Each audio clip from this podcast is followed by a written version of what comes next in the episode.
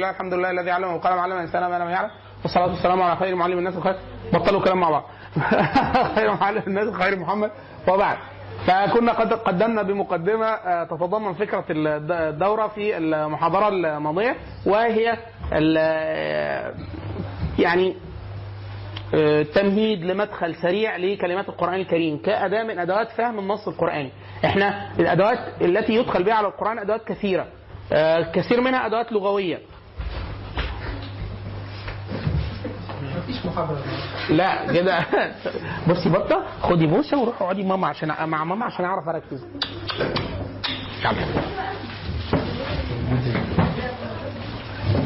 يعني بالراحة. بس روحي اقعدي جنب ماما. ندى اقعدي جنب ماما. فالادوات التي يدخل بها على النص القراني واحد آه، اتقان ال- ال- الأصوات. فسواء بشكل مفرد ان انت تبقى عارف مخارج الحروف الصحيحة أو ال- الحروف في شكل آه، تفاعلي آه، زي الأحكام المعروفة في التجويد آه، من إخفاء وإدغام وغيره. أو معرفة ال- البنى الصرفية اللي هو بيسموه مباني الأب... معاني الأبنية مع دلالات الأبنية الصرفية. ده من أهم الابواب يعني قد يكاد يكون هو أهم باب في الصرف. دلالة المبنى على المعنى. إيه الفرق بين آه، آه، فعال وفعيل؟ أسماء الله الحسنى كلها مبحث صرفي جزء منها عشان تفهم إيه الدلالات. إيه الفرق بين غفار وغفور؟ طب ما هما الاثنين يحتملوا معنى الغ- الاثنين يحملوا معنى المغفرة. المغفرة الإقالة أو العثره أو آه، العفو عن الذنب أو كذا. طب إيه الفرق بين غفار فعال وغفور فعول؟ إيه الفرق؟ آه، في معاني آه، مثلا آه، ترد على بنية معينة. زي ستير فعيل. فيجي منها كتير فعول وهكذا. فإيه فده مدخل من المداخل القرآنية. ومعاني التراكيب؟ لفهم معاني الجمل. ففي فمعنى ي- ي- ي- يبدو لل... لل... للناظر بشكل أولي إن التركيبين شبه, بعض. وجاء رجل من من أقصى المدينة يسعى. وجاء من أقصى المدينة رجل يسعى. يبقى إيه؟ يبقى دي زي دي. ما هو شكلها كده. بالرغم إن في النحو أول ما يدرس شوية هيعرف إن في واحدة فيهم صفة. واحدة منهم صفة. وجاء رجل من أقصى المدينة يسعى وجاء من أقصى المدينة رجل يسعى. إنك دايما هي قاعدة أغلبية مش صحيحة قوي من ناحية النحو لكن قاعدة أغلبية. اللي هو إيه؟ النكرات ال- ال- الجمل بعد النكرات آه، صفات وبعد المعارف أحوال. فلما أنا أجيب جملة أو شبه جملة بعد آه، بعد نكرة تبقى صفة. الصفة يعني حاجة في ذات الشخص. الحال ده حاجة عارضة ليه دلوقتي. فجاي واحد بيضحك مش هو طول عمره. عامل كده ده حال حاله دلوقتي. خلاص؟ فآية منهم بتقول إن الرجل وجاء رجل من أقصى المدينة. من أقصى المدينة؟ جمله بعد نكر رجل فده صفة. فهو ساكن هو من سكان أقصى المدينة. فهو راجل من علية القوم اللي هو مؤمن ال فرعون فهو راجل من علية القوم اللي بيسكنوا أطراف المدينة دايما أطراف المدن. التجمع ارتحاب الشهور. يعني الكومباوند دايما بتبقى مش في نص البلد. ف... في من أقصى المدينة رجل يسعى عايز يقول لك إن هو قطع بذل جهد كبير حتى يبلغ الدعوة ليه. آه، فجاء من أقصى المدينة رجل يسعى فعايز يقول لك إن هو بس عايز يوصف لك إن هو بذل جهد مش هو من سكان اقاصي المدينة. ده هو كان قطع مسافة طويلة عشان يجي. خلاص؟ ده يفهم من نحو إيه اللي وقع ده؟ اما أصل أنا قلقت الصوت مربك يعني خلاص؟ آه, آه ماشي كده كويس. خلاص؟ فالأدوات النحوية بتفرق معاك جدا جدا جدا في المعنى. آه طبعا أهم باب يكاد يكون ذروة الدرس النحوي مع القرآن هو الوقف والابتداء تقف فين وتبدأ منين وأثر الوقف على الدلالات. يعني مثلا لو أنا في أول البقرة قلت مثلا إيه؟ ذلك الكتاب ووقفت إيه إعراب ذلك؟ اعراب ذلك. الرجالة راحت الرجالة راحت فين؟ مبتدأ الكتاب. خبر. خلاص كده ما- واضحة سهلة. انت انت متصور ان السؤال آه قال لك انت ربكتني. لا ما هو السؤال سهل. يعني ذلك الك... ما هو أنا قلقت كده. تصدق أنا قلقت. قال لي تطلع مش مبتدأ. قال لك النحو اتغير ولا إيه؟ خلاص؟ لو أنا قلت ذلك الكتاب لا ريب فيه. الكتاب يبقى إيه بقى هنا؟ لا هنا ممكن يبقى لك كذا اعراب منها على البدلية. ليه؟ ما لا ريب فيه. ده خبر الجمله خلاص؟ وهكذا. فاصلا أقف أقف فين؟ لو وقفت هيبقى المعنى إيه؟ لا ده ده باب واسع جدا جدا جدا. بل القراء بعض الناس لما بيكون هو علمه دقيق بالنحو والوقف الابتداء بيفاضل ما بين القراء في قارئ يبقى الناس طالعة بيه السما عشان صوته. لما يكون حد مميز نحو صرف يقول لك يا راجل يا راجل ده وقف على كذا. تلاقيه إيه؟ يعني إيه؟ في حد يقف على دي؟ يعني المعنى في حد يقول لك إيه ده؟ شوف من المميزين جدا. الشيخ الحصري. بس ما حد هو المشكلة بقى في إيه؟ إن العلم هو النضارة. يعني لو أنت مش واخد بالك إيه الفرق لو وقف على دي ودي؟ ما أنت بتبقى قاعد ما هو لو وقف في أي حاجة أنا مش فارقة معايا. أنا حاسس إن هو نفسه خلص فوقف. يعني ما يعني ما حصلش حاجة. بالرغم إن هو طبعا إيه؟ لا الوقف والابتداء بيضيف معاني. عشان كده تلاقي إيه؟ ال- العلماء مثلا من الحاجات اللي متصنف فيها كتير آه كلا. مواضع كلا. تلاقي آه عجب في كلا. أقف فيها أقف عليها ويقول لك هنا يحسن لا تكمل. هنا يحسن تقف. هو هيبقى المعنى إيه؟ تلاقي المعنى النحو اختلف والدلالة والسياق القرآني. فدي برضو من الأدوات اللي بيدخل بيها آه، ندى. يمنى سيبي ندى ندى. اقعدي بعيد عن يمنى لغاية آخر الحصة. أيوه. خلاص؟ طيب آه فاحنا دي, دي مثال للأدوات. ده مثال للأدوات. طبعا مثال في أمثلة أخرى. التفسير بالمأثور إن أنت تعرف أسباب النزول إن أنت تعرف موضع السيرة إن أنت ت... في حاجات كثيره جدا من المداخل التي. تزيد الفهم أو ترفع الفهم آه للقارئ المعاصر. بالذات اللي هو إحنا يعني. خلاص إحنا مركزين على نقطة اللي هي إيه؟ محاولة إضاءة جزء كده في الدلالة اللغوية بس إحنا قلنا إن إحنا هنخش من مدخل سريع. يعني هندخل إيه؟ مش المدخل مسحي إحنا هناخد هنقف عند كل كلمة ونقول موضعها في السياق وبتاع. ده أمر يطول أكبر بكتير جدا من المساحة اللي إحنا بنتكلم فيها. إحنا بس هنقف عن الجذور الأكثر شيوعا وهنختار منهم الجذور الثلاثين الأكثر شيوعا في القرآن ونمسكهم جذر جذر واحلنا على شوية مراجع معاجم. معجم يف- يفيدنا في الوزن التكراري معجم يفيدنا في الدلالات معجم- يفيدنا في الأشعار معجم جدا يفيدنا في الأوزان الصرفية وهكذا. خلاص كده؟ طيب فاحنا هنبدأ الآن إن شاء الله في أول ثلاث جذور جذر ألها وجذر قولة وجذر كونة. الجذر الأول اللي هو ألها آه، طبعا حتى وزنه طبيعي للموضوع. هو أكبر أكثر الجذور ورودا في القرآن. إحنا قلنا ورد آه، 2851 مرة. 2851 مرة. فمفهوم الألوهية هو أكثر الموضوعات ورودا في القرآن. عشان كده لما أنا أقول لك إن الإسلام بتدخله بلا إله إلا الله فيبقى الكلمة الوحيدة الكلمة اللي ليها دلالة في ذاتها في لا إله إلا الله هي إله.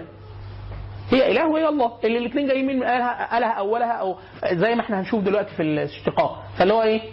هي بقى طبيعي جدا إن يكون لا إله إلا الله هو مفهوم الإله اللي أنت المفهوم هو ده المفهوم اللي هتدخل بيه الإسلام هو انه يكون أكثر أكثر الجذور. ورودا منطقي ال- ال- الورود ال- العددي. طيب من ناحية المعنى المعجمي ناحية المعنى الدلالة المعجميه العلماء على آه، يعني على خلاف في آه، اعتبار الله الاسم الحسن آه، هل هو مرتجل ولا هو مشتق؟ مرتجل يعني إيه؟ هو علم. ما فيش أي إضافات يعني إيه؟ ألف واللام اللي في الله دي جنس ز- من جنس الكلمة. ما فيش مش مشتقة من أي حاجة. خلاص؟ وفي علماء تقال جدا بيقولوا بعدم الاشتقاق. منهم الخطابي وغيره وناس متقدمين. بيقولوا إيه الدلالة؟ يعني آه، آه، بدون دخول في تفاصيل صرفية يعني بيقولوا أنت لا إذا قلت آه، آه، آه، الرحيم أو الرحمن وأردت أن تدعو الاسم الحسن الرحمن والرحيم آه، فما بتقولش يا الرحيم.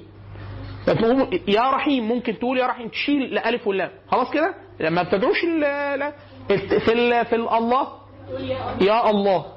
فلو دي مش من جنس الكلمة كانت تروح في في النداء. فالخطابي استدل بحاجة زي كده. آه، في ناس بيبقى التصور بتاعهم تصور عقدي. فبيقول لك الاشتقاق هو الله آه، مش مش بيبص عليها من الناحية اللغوية. بيبص عليها من ناحية المعنى. يقول لك هو الله لا يشتق من شيء. فالمعنى ده هو الأول فلا يشتق منه أي شيء. فبيجيب مدخل إيه؟ عقدي. لكن أهل اللغة وكتير جدا في المناقشات يقول لهم يعني إحنا المساحه دي يعني من البداهة بمكان ما فيش حد مسلم هينكرها. إحنا بنتكلم هنا في صنعة لغوية فيعني إيه؟ لكن المعنى الرأي ده رأي قوي وتقيل. اللي بإن هو مش بالارتجال أو إن هو علم. آه، الرأي الثاني هو ده اللي إحنا هنشرح فيه جزء شوية لأن هو ده اللي بيقول بالاشتقاق هو اللي أنت محتاج تسأله. طب هو مشتق من أنهي مادة؟ اللي بيقولوا بالاشتقاق عندنا أربع آه، جذور يعني هم مش متفقين على رأي واحد. بيقولوا إيه؟ كذا رأي. في آراء عند التدقيق هتفاجئ إن هي بتقول نفسهم لمعنى واحد. يعني إيه؟ هم الصورتين دول بيقولوا إيه؟ في الآخر لبنية واحدة. لكن عند التشقيق أربع صور. الصورة الأولى اللي هو إيه؟ إنه الجذر اله الله جاية من اله واله فلان ويأله الهه يعني عبد عباده يعني اله أو يأله أو اله بمعنى يعبد. عبد عبادة. خلاص؟ والعباده المعنى المحوري في العبادة هو التذ- الذله والخضوع. عشان كده يقول لك عبدت الطريق يعني بدل ما هو وعر وصعب وبتاع أنا خليته إيه؟ هين سهل لين. فلما أنا أقول إن أنا آه، ده عبد لفلان يعني ذل له وخضع. فالعبادة معناها صرف. الذلة والخضوع للامتثال للاوامر بلا آه، مراجعة أو ق- كذا هو ده معنى إيه؟ العبادة. فالمعنى بتاع اله في في الرأي الأول اله فلان أو ياله يعني يعبد عبادة أو عبد عبادة. في هذا الرأي الله أو إله إله على وزن فعال يعني معبود. يعني معبود.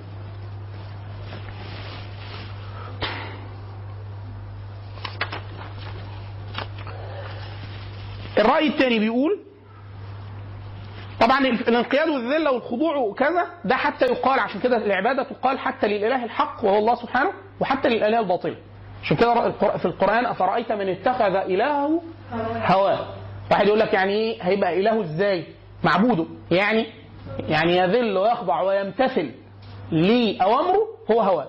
فما يراه حسنا يمتثل ليه ويخضع عشان كده في ناس تلاقيه إيه عنده التزام شديد جدا بقاعدة متوهمة يحطها في نفسه ويمشي عليها. خلاص؟ يقول لك ده ينفع. وده ده فهو بيحلل ويحرم لنفسه على حسب هواه بدون معيار شرعي متجاوز. فهو اله هو إله على الحقيقة. فرأيت من اتخذ إلهه هواه. فهو إله على الحقيقة هو هواه. م? بيعتبروا الله على وزن إيه؟ إله على وزن فعال الله. أو الله اللي بيقولوا إن الألف واللام لما بيخشوا عليها الألف واللام الأصل هي بيقولوا الأصل إله. إله. الكلمة أصلا إله. ما هو بيقول بالاشتقاق ما بيقولش إن هي علم. فبيقول إله. فأل إله. بعد كده هم العرب كعادتها في في في في, في الأصوات ال- الهمزة صوت بيخليك تتوقف في الكلام. عشان كده تلاقي كتير جدا في كلمات بيسهلوا الهمزة. فمن ك... من عشان وجودها وجودها ثقيل فحذفوها. خلاص حذفوا الهمزة. فالتقى مثلين لام واللام. فش... فاضغموهم في بعض فبقت إيه؟ الله. لكن لكن هي في الأصل إيه؟ ال إله. فها ألف ولام دخلت على إله. ثم أجري. طبعا في ناس بتقول ال اي لا. بيقولوا إيه؟ ان حركه ال- ال- الهمزة نقلت لما قبلها ثم حذفت الهمزة وبعد كده التقى ساكنين واحد محرك والثاني الاثنين من نفس الجنس بس في حركتين فاضغموهم سكنوا الأولى والثانيه والادغام هو تسكين الأول وتحريك الثاني. لو فكيته هتفكوا بإيه؟ واحد مسكن واحد واحد محرك. ثم صارت الصورة إن هي الله. خلاص؟ ده من ناحية ال لا.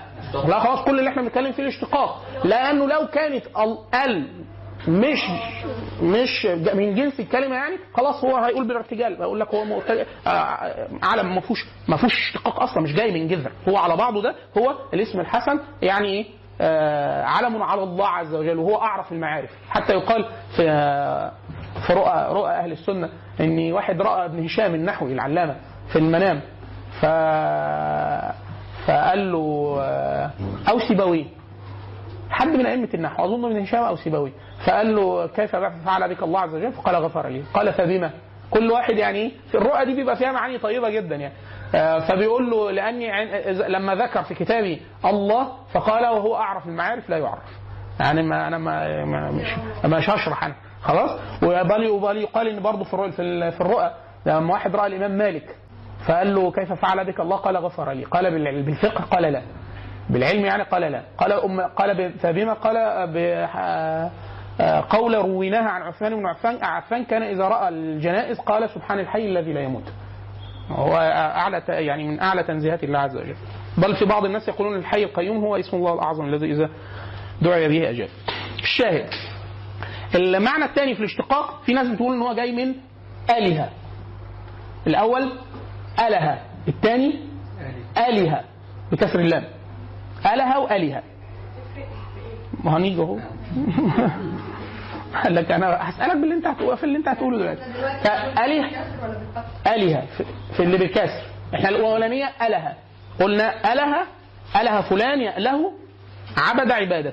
الثاني الهه منين؟ من أنهي معنى؟ الهه يعني تحير. دي بنتي أنا اللي بتضحك جوه دي. طب حد يقفل عليها الباب. آلهة يعني تحير إيه إيه وجه الدلالة على المعنى بتاع ال- الألوهية؟ لأن العقول بتتحير في عظمة الله عز وجل، فإذا ذكرت الكلمة الله فيتحير عقلك في إن أنت تصور لي أي صورة مهما كانت. خلاص؟ فتتحير العقول في عظمة الله عز وجل. خلاص؟ أو جوه آلهة المعنى بتاع آلهة الفصيل. تعرفين ال- الناقة إذا آه، إذا أنجبت فالفصيل ده صغير النوق. فلما يجي يفطموه شكرا شكرا شكرا شكرا. فلما يجي يتفطم فيحجزوه عن أمه. فأول ما يسمع صوتها يعرف إن دي أمه. فيشتاق جدا ليها ويحن ليها. فيقول لك إيه؟ آلهة الفصيل. يعني إيه؟ هو محجوز عن امه وهو أصلا بيرضع بس بيفصلوه فاشتياقه وحنينه ده فبيعمل صوت كده هو هو بيصدر صوت. فيقول لك إيه؟ أول ما يعمل الصوت ده يقول لك إيه؟ اله الفصيل يعني حن واشتاق لأمه بال بال بال في السياق ده. فيقولوا اله الفصيل فجاي بيقولوا جاي, جاي من الحنين والاشتياق. فالله عز وجل تأله له الأشياء يعني تحن له وتشتاق. كما تحن أو معنى اللجء الالتجاء. آلهة فلان إلى كذا يعني لجأ إليه.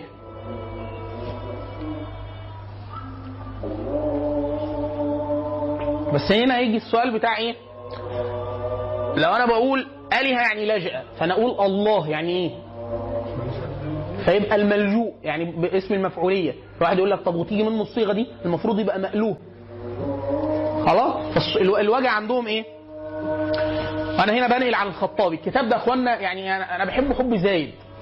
شأن الدعاء. شأن الدعاء. الخطابي. الطبعه دي. إحنا هنقرأ منه حاجة أنا يعني أنا ناقل عنها بس أنا بحب الكتاب نفسه يعني.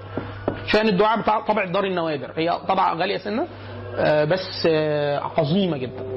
إيه سبب العظمة؟ واحد الخطابي امام تقيل جدا. اثنينه متقدم.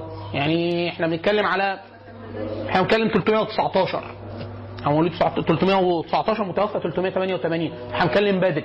خلاص؟ والأهم من ده إن الطبعة مخدومة قوي. مخدومة. وهو عامل إيه؟ شارح أسماء الله الحسنى كلها في شطر الكتاب. واخد من صحيح ابن خزيمة باب الدعاء كله الاذكار وشرحه كله. فالكتاب إيه؟ للأسف لا. موجود كل الطبعات إلا الطبعة دي بدايه سوريا. لا هي موجوده موجودة في مصر بتطلب حاجتهم.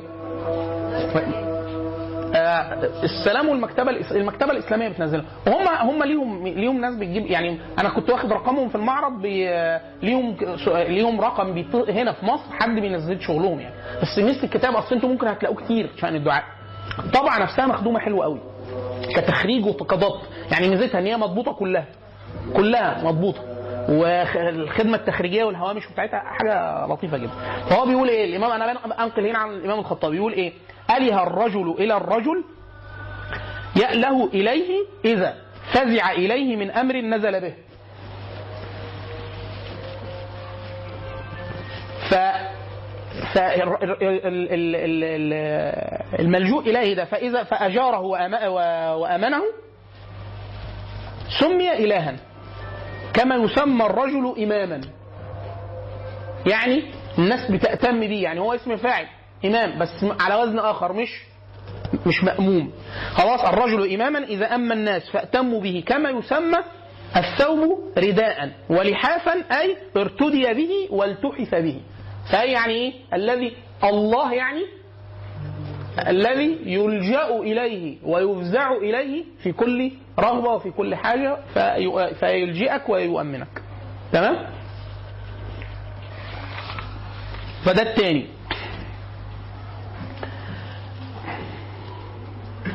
الثالث الاشتقاق بيقولوا جاي من لاه يلوه أو يليه. أي احتجب. تبقى آلهة برضو لا لا. لاها الأول كنا إحنا بنقول همزة ثم لام ثم هاء. وبعد كده اللام يا إما مفتوحة يا إما مكسورة دول الجذرين اللي إحنا قلناهم. الها وآلهة. الثالث لام. ألف هاء. مش همزة يعني مش لام همزة ألف. لا لام ألف. لام وبعدها ألف وبعدها هاء. لاها. لا ما إحنا خلاص بقى ندقق بقى. فلاها ويلوه أو يليه يعني احتجب. فالمعنى يعني المحتجب. أي لا تدركه الأبصار وهو يدرك الأبصار. خلاص كده؟ ده إيه؟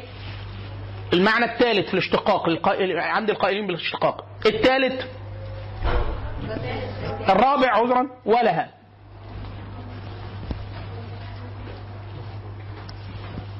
ده برضه قريب جدا من المعنى اللي هو إيه؟ المفزوع إليه. يعني من تفزع إليه الخلائق أو تفزع يفزع إليه كل شيء. خلاص؟ طب إيه بقى فكرة ولا ده ما بادئ بواو؟ فبيقولوا لا الواو هنا قلبت بعد كده إيه؟ همزة ثم أجري عليه ما قيل في الرأي الأول. خلاص؟ يعني إحنا كنا بنقول الرأي الأول بيقول آآ آآ إله. طب والهمزة وديتوها فين؟ دخلنا عليها ألف ولام وبعد كده شلت الهمزة وأضغمت ال... هو بيقول الواو عملية قبلها بقى إن الواو قلبت همزة وبعد كده فبقيت إله وبعد كده وهكذا. والقياس اللي هو نفس الرأي اللي هو لو قلنا المفروض كان القياس يبقى مألوه أو مولوه فيقول لك إيه؟ لا ده عامل زي مكتوب وكتاب. أنت لما لما بتقول إيه؟ بع- بع- بعثت إليك بكتابي. تقصد إيه؟ مكتوبي اللي أنا كتبته. فمكتوب بقت مكانها كتاب. زي مألوه اللي بقى مكانها إله اللي بقى أدخل عليها إيه؟ الألف واللام القصة اللي إحنا قلناها. خلاص؟ مولوه ما هو إحنا عندنا الهمزة الهمزة دي مشكلة كبيرة في العربي. فتلاقي الهمزة العرب إيه في واحد يسهلها وفي واحد يقلبها واو وفي واحد فهنا مألوه بالهمزة كده أو مولوه. أيوه أيوه بإبدال الهمزة واو. أيوه. فالاثنين بدل ما تيجي ده القياس القياس إن المفروض تبقى كده. يبقى ولها يبقى مولوه أو مألوه. ده القياس. فبيقول لك طب إيه تيجي إزاي؟ زي مكتوب وكتاب. مألوه وإله. واللي بعد ما بقت إله؟ اتعمل فيها إيه؟ العمليات بتاعت إيه؟ ادخال الألف واللام والهمزه خلاص؟ آه، طيب فكرة قلب الواو إلى همزة هل ده يعني هل ده بدهي أو طبيعي في الصرف؟ ففي أمثلة العلماء بيريدوها زي وشاح وإشاح. وعاء وإعاء. ووساد وإساد. كل ده موجود في العربية. يعني إن. هي أصلا الكلمة وشاح تلاقي إن حد بينطقها إشاح. ووساد إساد ووعاء إعاء. خلاص؟ فده إيه؟ فهو الناس طبعا بيقول لك إيه؟ آه، أنت لازم تفهم الصورة الصرفية النهائية. هل ده متقبل في العربية أو مسموع؟ ويقول لك آه مس- مسموع وموجود منه أمثلة أخرى في غير هذا الجذر لمن قال بأن الأصل الجذر إيه؟ ولا. عندنا التدقيق نلاقي إن ما دام ولا هيردها للهمزة فيبقى إيه؟ الها والها وولها في الآخر يبقى إحنا كده إيه؟ بنتكلم في أصل واحد مع تعدد هذه إيه؟ المعاني أو مع ضم هذه المعاني. يعني أنا نقول إيه؟ من يذل إليه ويخضع له ويحتجب ويشتاق ويحن ويفزع إليه. كل ده المعنى. هو أنا هو يا إما أنا آخد كل معنى في الجذر لوحده فأقول إيه؟ لو أنا في الآخر قلت إيه؟ فعشان كده الخطابي أنا بحب جدا كتاب اخوانا وبحب جدا الخطابي. ليه يا اخوانا في ناس في ناس كلامها زي ابن رجب وربنا يرضى عنه. كلامه يعني الكتاب صغير جدا. الجمله تلاقيها مختصرة تلاقيها عظيمة. عظيمة يعني إيه؟ تغنيك يعني بعد ما تروح تتشقلب وتروح وتيجي وتقرأ في الآخر تلاقي هو اللي قاله ده. هو ده حلو يعني خلاص. يقول لك إيه؟ ولذا قول المؤمنين أو قول المؤمن إذا قال لا إله إلا الله أي لا معبود إلا الله. لا معبود إلا الله. بأنهي معنى؟ يعني أنا عايز أقول لا معبود يعني لا يذل ولا يخضع ولا يمتثل. مع الاحتجاب. يعني واحد يقول لك إيه؟ آه أنت عشان خايف منه عشان شايفه. لا. ده أنا بذل وأخضع وأمتثل. وبحن. كمان ذل مش ذل ذل الخوف والرهب بس. أنا أخاف وارهبه وأشتاق وأحن. كما يحن الفصيل إلى امه كمان حن يعني إيه؟ مش أي معنى. مش أي معنى. لا ده الفصيل عشان اله الفصيل. آه أنا زيه بالظبط. أنا زيه بالظبط. فالذي يخضع إليه ويمتثل إليه ويفزع إليه. يعني أنت لو أصابك شيء ولا تدعو مين وتفزع لمين مش كده النبي صلى الله عليه وسلم استخدم المعنى ده. فهو بيدعو واحد فبيقول له أنت كم إله تعبد؟ كم إله؟ المعنى عند العربي إله ده اللي هيفزع ليه. عشان كده لو لو ده محتاج بقى حد يعمله. يجمع كل النصوص اللي النبي استخدم فيها اللفظة. استخدام استعمالي. فقال له كم إله تعبد؟ قال سبعة. الراجل لما جه يدعوه قال له بتابعه بتسبع سبع آلهة قال له قال إذا آه آه آه إذا جفت الأرض وقحطت السماء فمن تدعو؟ قال الذي في السماء.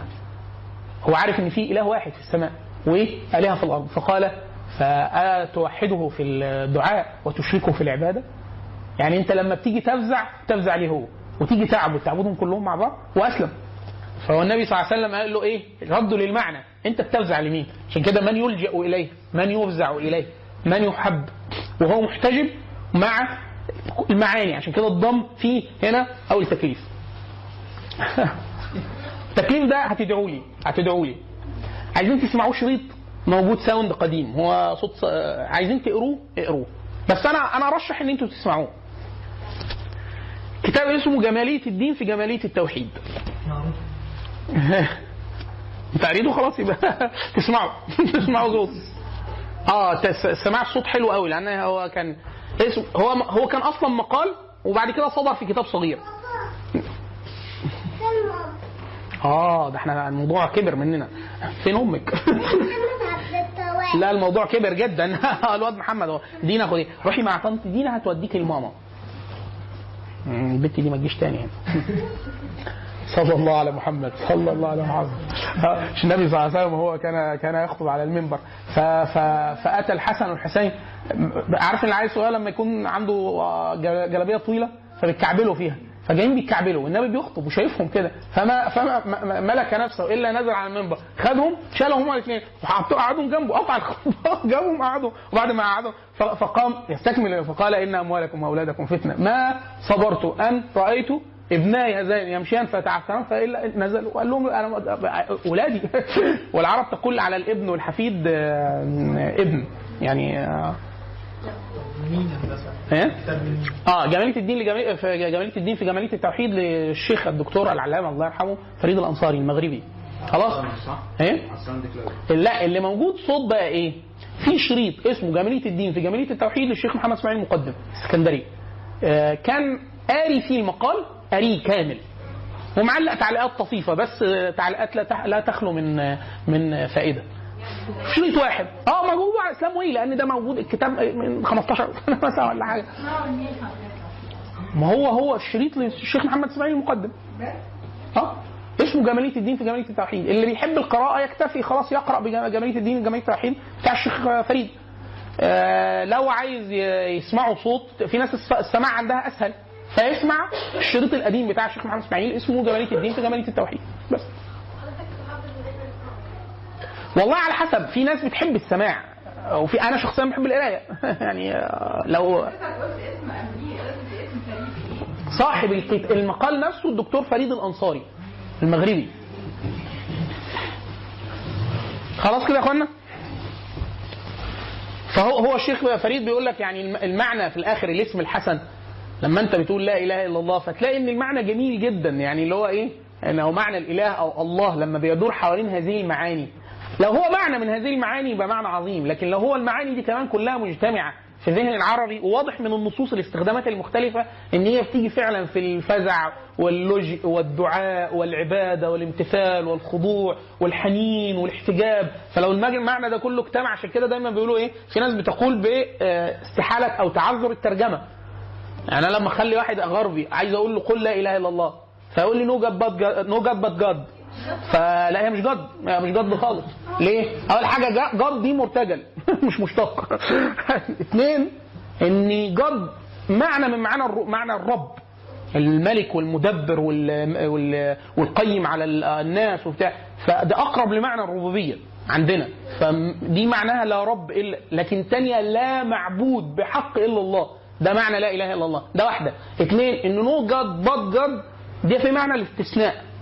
وعلماء العربية لا لا إله إلا الله إلا هنا مش معنى الاستثناء بل معنى باطل. هو على معنى غير. وده باب واسع في النحو بس مش هنقوله هنا يعني. لا يعني لا إله إلا اللي في, في كلمة التوحيد إلا اللي هي غير مش إلا الاستثنائية. لأنه لا يستثنى إلا من شيء إما من جنس جنس المستثنى منه أو من غير جنسه والمعنيين باطلين. وده من كلام الخطابي الشريف جدا. ك- إن الا هو لو حد عايز يكتب. لا ما هو حتى مبحث دقيق في ال... لا ما يعني يعني مش كل استثناء بمعنى واحد. إلا غير غير. وإلا ما كانش العرب خلوا في غير وفي إلا. لا إله إلا. إلا هنا مش الاستثنائية. إلا بمعنى غايه لأنه معنى إلا الاستثنائية إن هي بتستثني من شيء إما من جنس. المستثنى منه أو من غير جنسه. والمعنيين هيؤدوا لمعنى مش مظبوط في الآخر. لو حد عايز يتوسع في ده ممكن بعد كده نحكوا على حاجة في النحو بس تكون مختصرة لأن الباب واسع. فاللي هو إيه المع... إيه الفرق بين إن أنا أقول إن هي بمعنى غير أو بمعنى إلا؟ ومعنى إيه معنى الاستثناء؟ ده يعني ممكن نقوله بس ده مش داخل معانا في المعنى المعجمي. إحنا مركزين إحنا عشان كده إحنا قلنا في الأول إن في أداة صوتية أداة صرفية أداة نحوية ده داخل معانا في في التركيب يعني. معنى أشهد أن لا إله إلا الله ده هيجرنا يعني دي بس شيء بشيء يذكر. إن معنى أشهد أن لا إله إلا الله ما إيه معنى أشهد؟ أشهد. يعني أنا بقول أشهد أن لا إله إلا الله فمعنى أشهد يعني إيه؟ برافو لا. معنى الإعلام أو الإبانة. وده أصح المعنى أصح المعاني. في ناس بتقول بمعنى ثالث بس ده أصح المعنى يعني أبين أو أبين أو أعلم. عشان كده لما يقول لك واحد راح يشهد عند القاضي يعني إيه الشهادة؟ يقول لك أشهد إن كذا كذا. أي أبين أو أعلم بما اعرف آه عشان كده المعنى موجود في القرآن إن هو بمعنى الشهادة بمعنى العلم. فقالوا إيه؟ وما شهدنا وما, وما شهدنا إلا بما إلا بما علمنا. فهو إيه؟ الشهادة هي إيه؟ أن تعلم أن تعلم أو تبين بما تعلم. خلاص؟ فأشهد يعني أبين أو أعلم بما أعلم. خلاص؟ برضه المعنيين عن آه لا. إحنا أنا كنت حكت عليه قبل كده في الأذكار معرفش في السياق اللي إحنا قلناه ولا لا لو حد عايز يتتبع مثل هذه الأشياء اللي هو حاجات إحنا بتبقى واضحة بالنسبة لنا قوي يعني لا حول ولا قوة إلا بالله أشهد أن لا إله إلا الله الله أكبر سبحان الله. المعاني الحاجات الدارجة وتكون في حاجة مختصرة بدون توسع. وده معنى إحنا بنأكد عليه كتير. وتنفعكم قبل رمضان قوي في الأذكار. عشان كده أنا بقول للخطابي ليه؟ أنا شارح باب الاذكار كلها في صحيح ابن خزيمة. فكل الأذكار اللي أنتم بتقولوها في الغالب هتبقى أوضح. يعني شوية في المعاني اللي بيقولها. آه رياض الأزهار. رياض الأزهار كتاب لطيف جدا كتاب صغير بتاع الدكتور محمد يوسف سلام. رياض الأزهار. هو فين يا؟ هو موجود في درب الأتراك درب الأتراك. كتاب صغير جدا. بنتي لا هو ه- لا درب الاتراك أي كتاب عايز تدور عليه الأول دور درب الأتراك ثم ابحثي حيث شئتي لكن درب الأتراك الأول درب الأتراك. يعني تمام؟ طيب. محمد رشدي س- محمد يسري سلامه الدكتور. محمد يسري اسكندري الله يرحمه. خلاص؟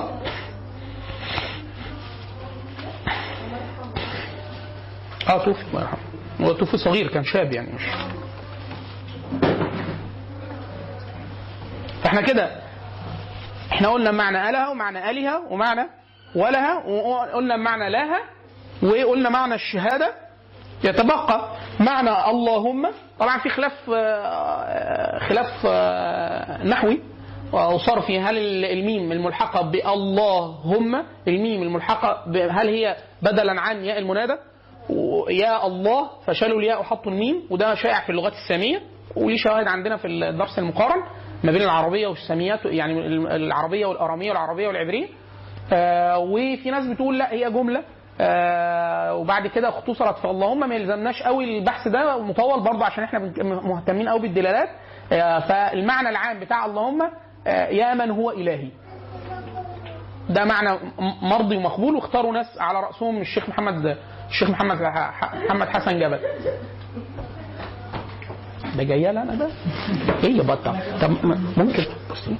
أنا عندي محاضره دلوقتي. فممكن تقعدي جوه تلعبي لما اخلص المحاضرة. ماشي؟ واجيب لك مجله خلاص. اديني بوزة. وما تقطعهاش ادي بوزة. هندفع كل الكلام يوم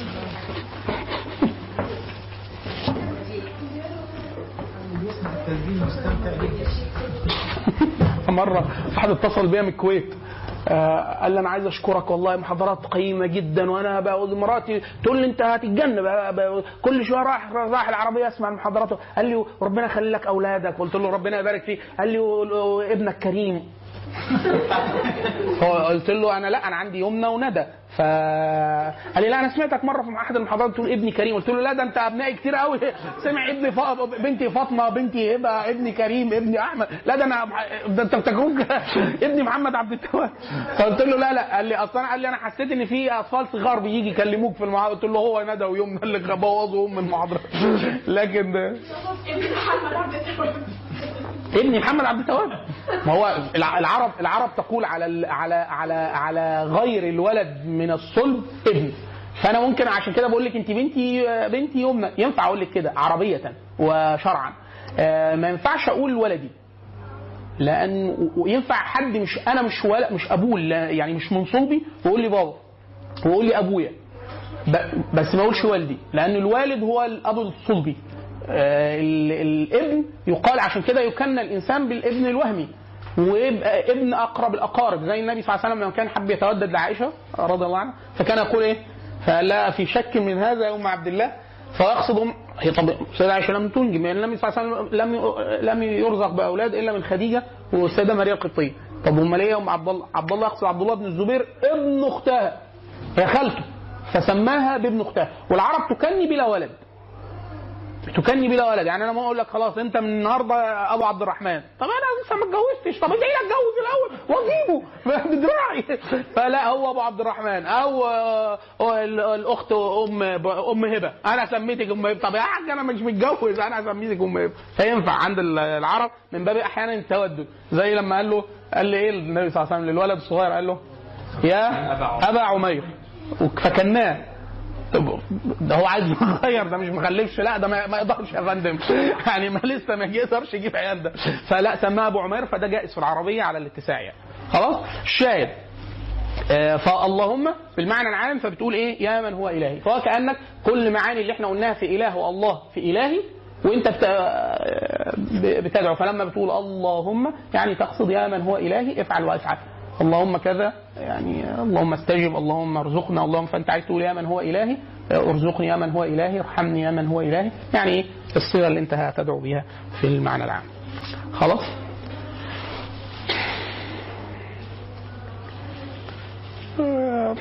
ده معظم ال- الحاجات بشكل مختصر اللي إحنا عايزين إيه كنا آه، نغطيها. طيب لو أنا عايز أشوف الصور المختلفة اللي جت في القرآن من المادة آه، آلهة وإله وإلهان. آه، أنا طبعا حاليا بنقل من المعجم الموسوعي بتاع أحمد مختار عمر. إيه ميزته أنا خلاص كده المعنى كده معنى مش يعني ب- في قدر ما من الفهم حصل. يعني عشان نتفق لأنه الا والا وإلا المسألة فيها كلام أوسع. لكن إحنا طبعا مخت... م- إحنا الدورة دي مصممه إن إحنا اقصر شيء نقدر نقوله يفرق معاك جدا في دلالة الإيه؟ أظن إن إحنا عملناه ده قد في قدر من من من المعنى ده لو أنا عايز أشوف المواضع المواضع اللي جت عددها ومعانيها و- و- والصياغه الصرفية مثلا فمثلا معجم الموسوعي بيقول لي إيه؟ ان أله إله جاي منها آلهة على وزن أفعلة اللي هي معنى الألوهية اللي إحنا قلناه وإله على وزن فعال اللي هو إيه؟ آه كل ما عبد بحق أو بغير حق كلمة إله الله علم على الله فقط ولم يتسمى بها مبطل في الحياة في الدنيا. عشان كده حتى بيقولوا إن الله عز وجل حتى صرف الكفار عن كده. بعض الآلهة اللي كانوا بيعبدوها عايزين يسموها إله. أو الله فصرفهم إلى اللات. عشان كده في صنم بيعبد اسمه اللات لكن لم يتسمى طاغوت قط بالله. سمى بالرحيم والرحمن. مسيلمة الكذاب قال على نفسه رحيم ورحمن. لكن لم يتسمى قط. طاغوت بالله. تمام؟ ع- علم على الله عز وجل لم لا يشارك فيه أحد. آه إلهان فعالان برضه كله فيه معنى الألوهية. خلاص كده؟ المعنى اللي هو المعنى المعجمي اللي إحنا قلناه. طبعا آه، باب الصرف ده باب واسع. باب واسع. يطلب على الوقت. يعني نصيحة لكم آه، آه، معاني الأبنية أهم جزء في الصرف على الإطلاق لدرجة ان في التصنيف إحنا عندنا في التاريخ الإسلامي في معاجم كاملة عم- معمولة على الأبنية اسمه مع- معاجم الأبنية أجلهم على الإطلاق اثنين ديوان الأدب بتاع الفارابي مش الفارابي الفيلسوف ولا يعني فارابي. و... وشمس العلوم بتاع نشوان الحميري الاثنين دول أجل كتابين اتعملوا في الأبنية يعني المعجم كله على الأبنية يعني مفيش كلمه. المفتاح اللي ادخل له فعال. يعني أنا عايز أعرف معنى إله. هعمل إيه؟ أروح في المب في المع... في المعجم على وزن فعال وأروح أشوفه. هيجيب لي كل المعاني اللي واردة. في الق... في المعاجم الكبيرة على وزن فعال. فمنها إله. فهيجيبه لي يقول لي اشرح لي المعنى. فهو ميزته إن هو يخش بيه بالأبنية. كلمة؟ شمس العلوم. بتاع نشوان الحميري. ديوان الأدب بتاع الفارابي. ديوان الأدب ليه طبعتين. طبعا نصيحة يعني إيه؟ شوفوهم بداية. لأن نشوان الحميري ضخم. 11 مجلد ولا حاجة. لأن هو ضخم. أوسع كتاب على الاطلاق في معاني في معاني في معاجم الابنيه ديوان ال- الأدب محقق في أربع أو خمس مجلدات ثم طبع في طبعة مجمعة واحدة. مجلد. هو هو بنفس الدقة بنفس اللي واللي كان شغال عليه ناس آه، تقال عليه استدراكات آه، منشورة لوحدها. فميزه ديوان الأدب إن هو موجود بالطبعتين والطبعه اللي هي المضغوطة وعليه استدراكات. حد كان قاعد بيدرس المعجم فترة طويلة فاستخرج عليه استدراكات.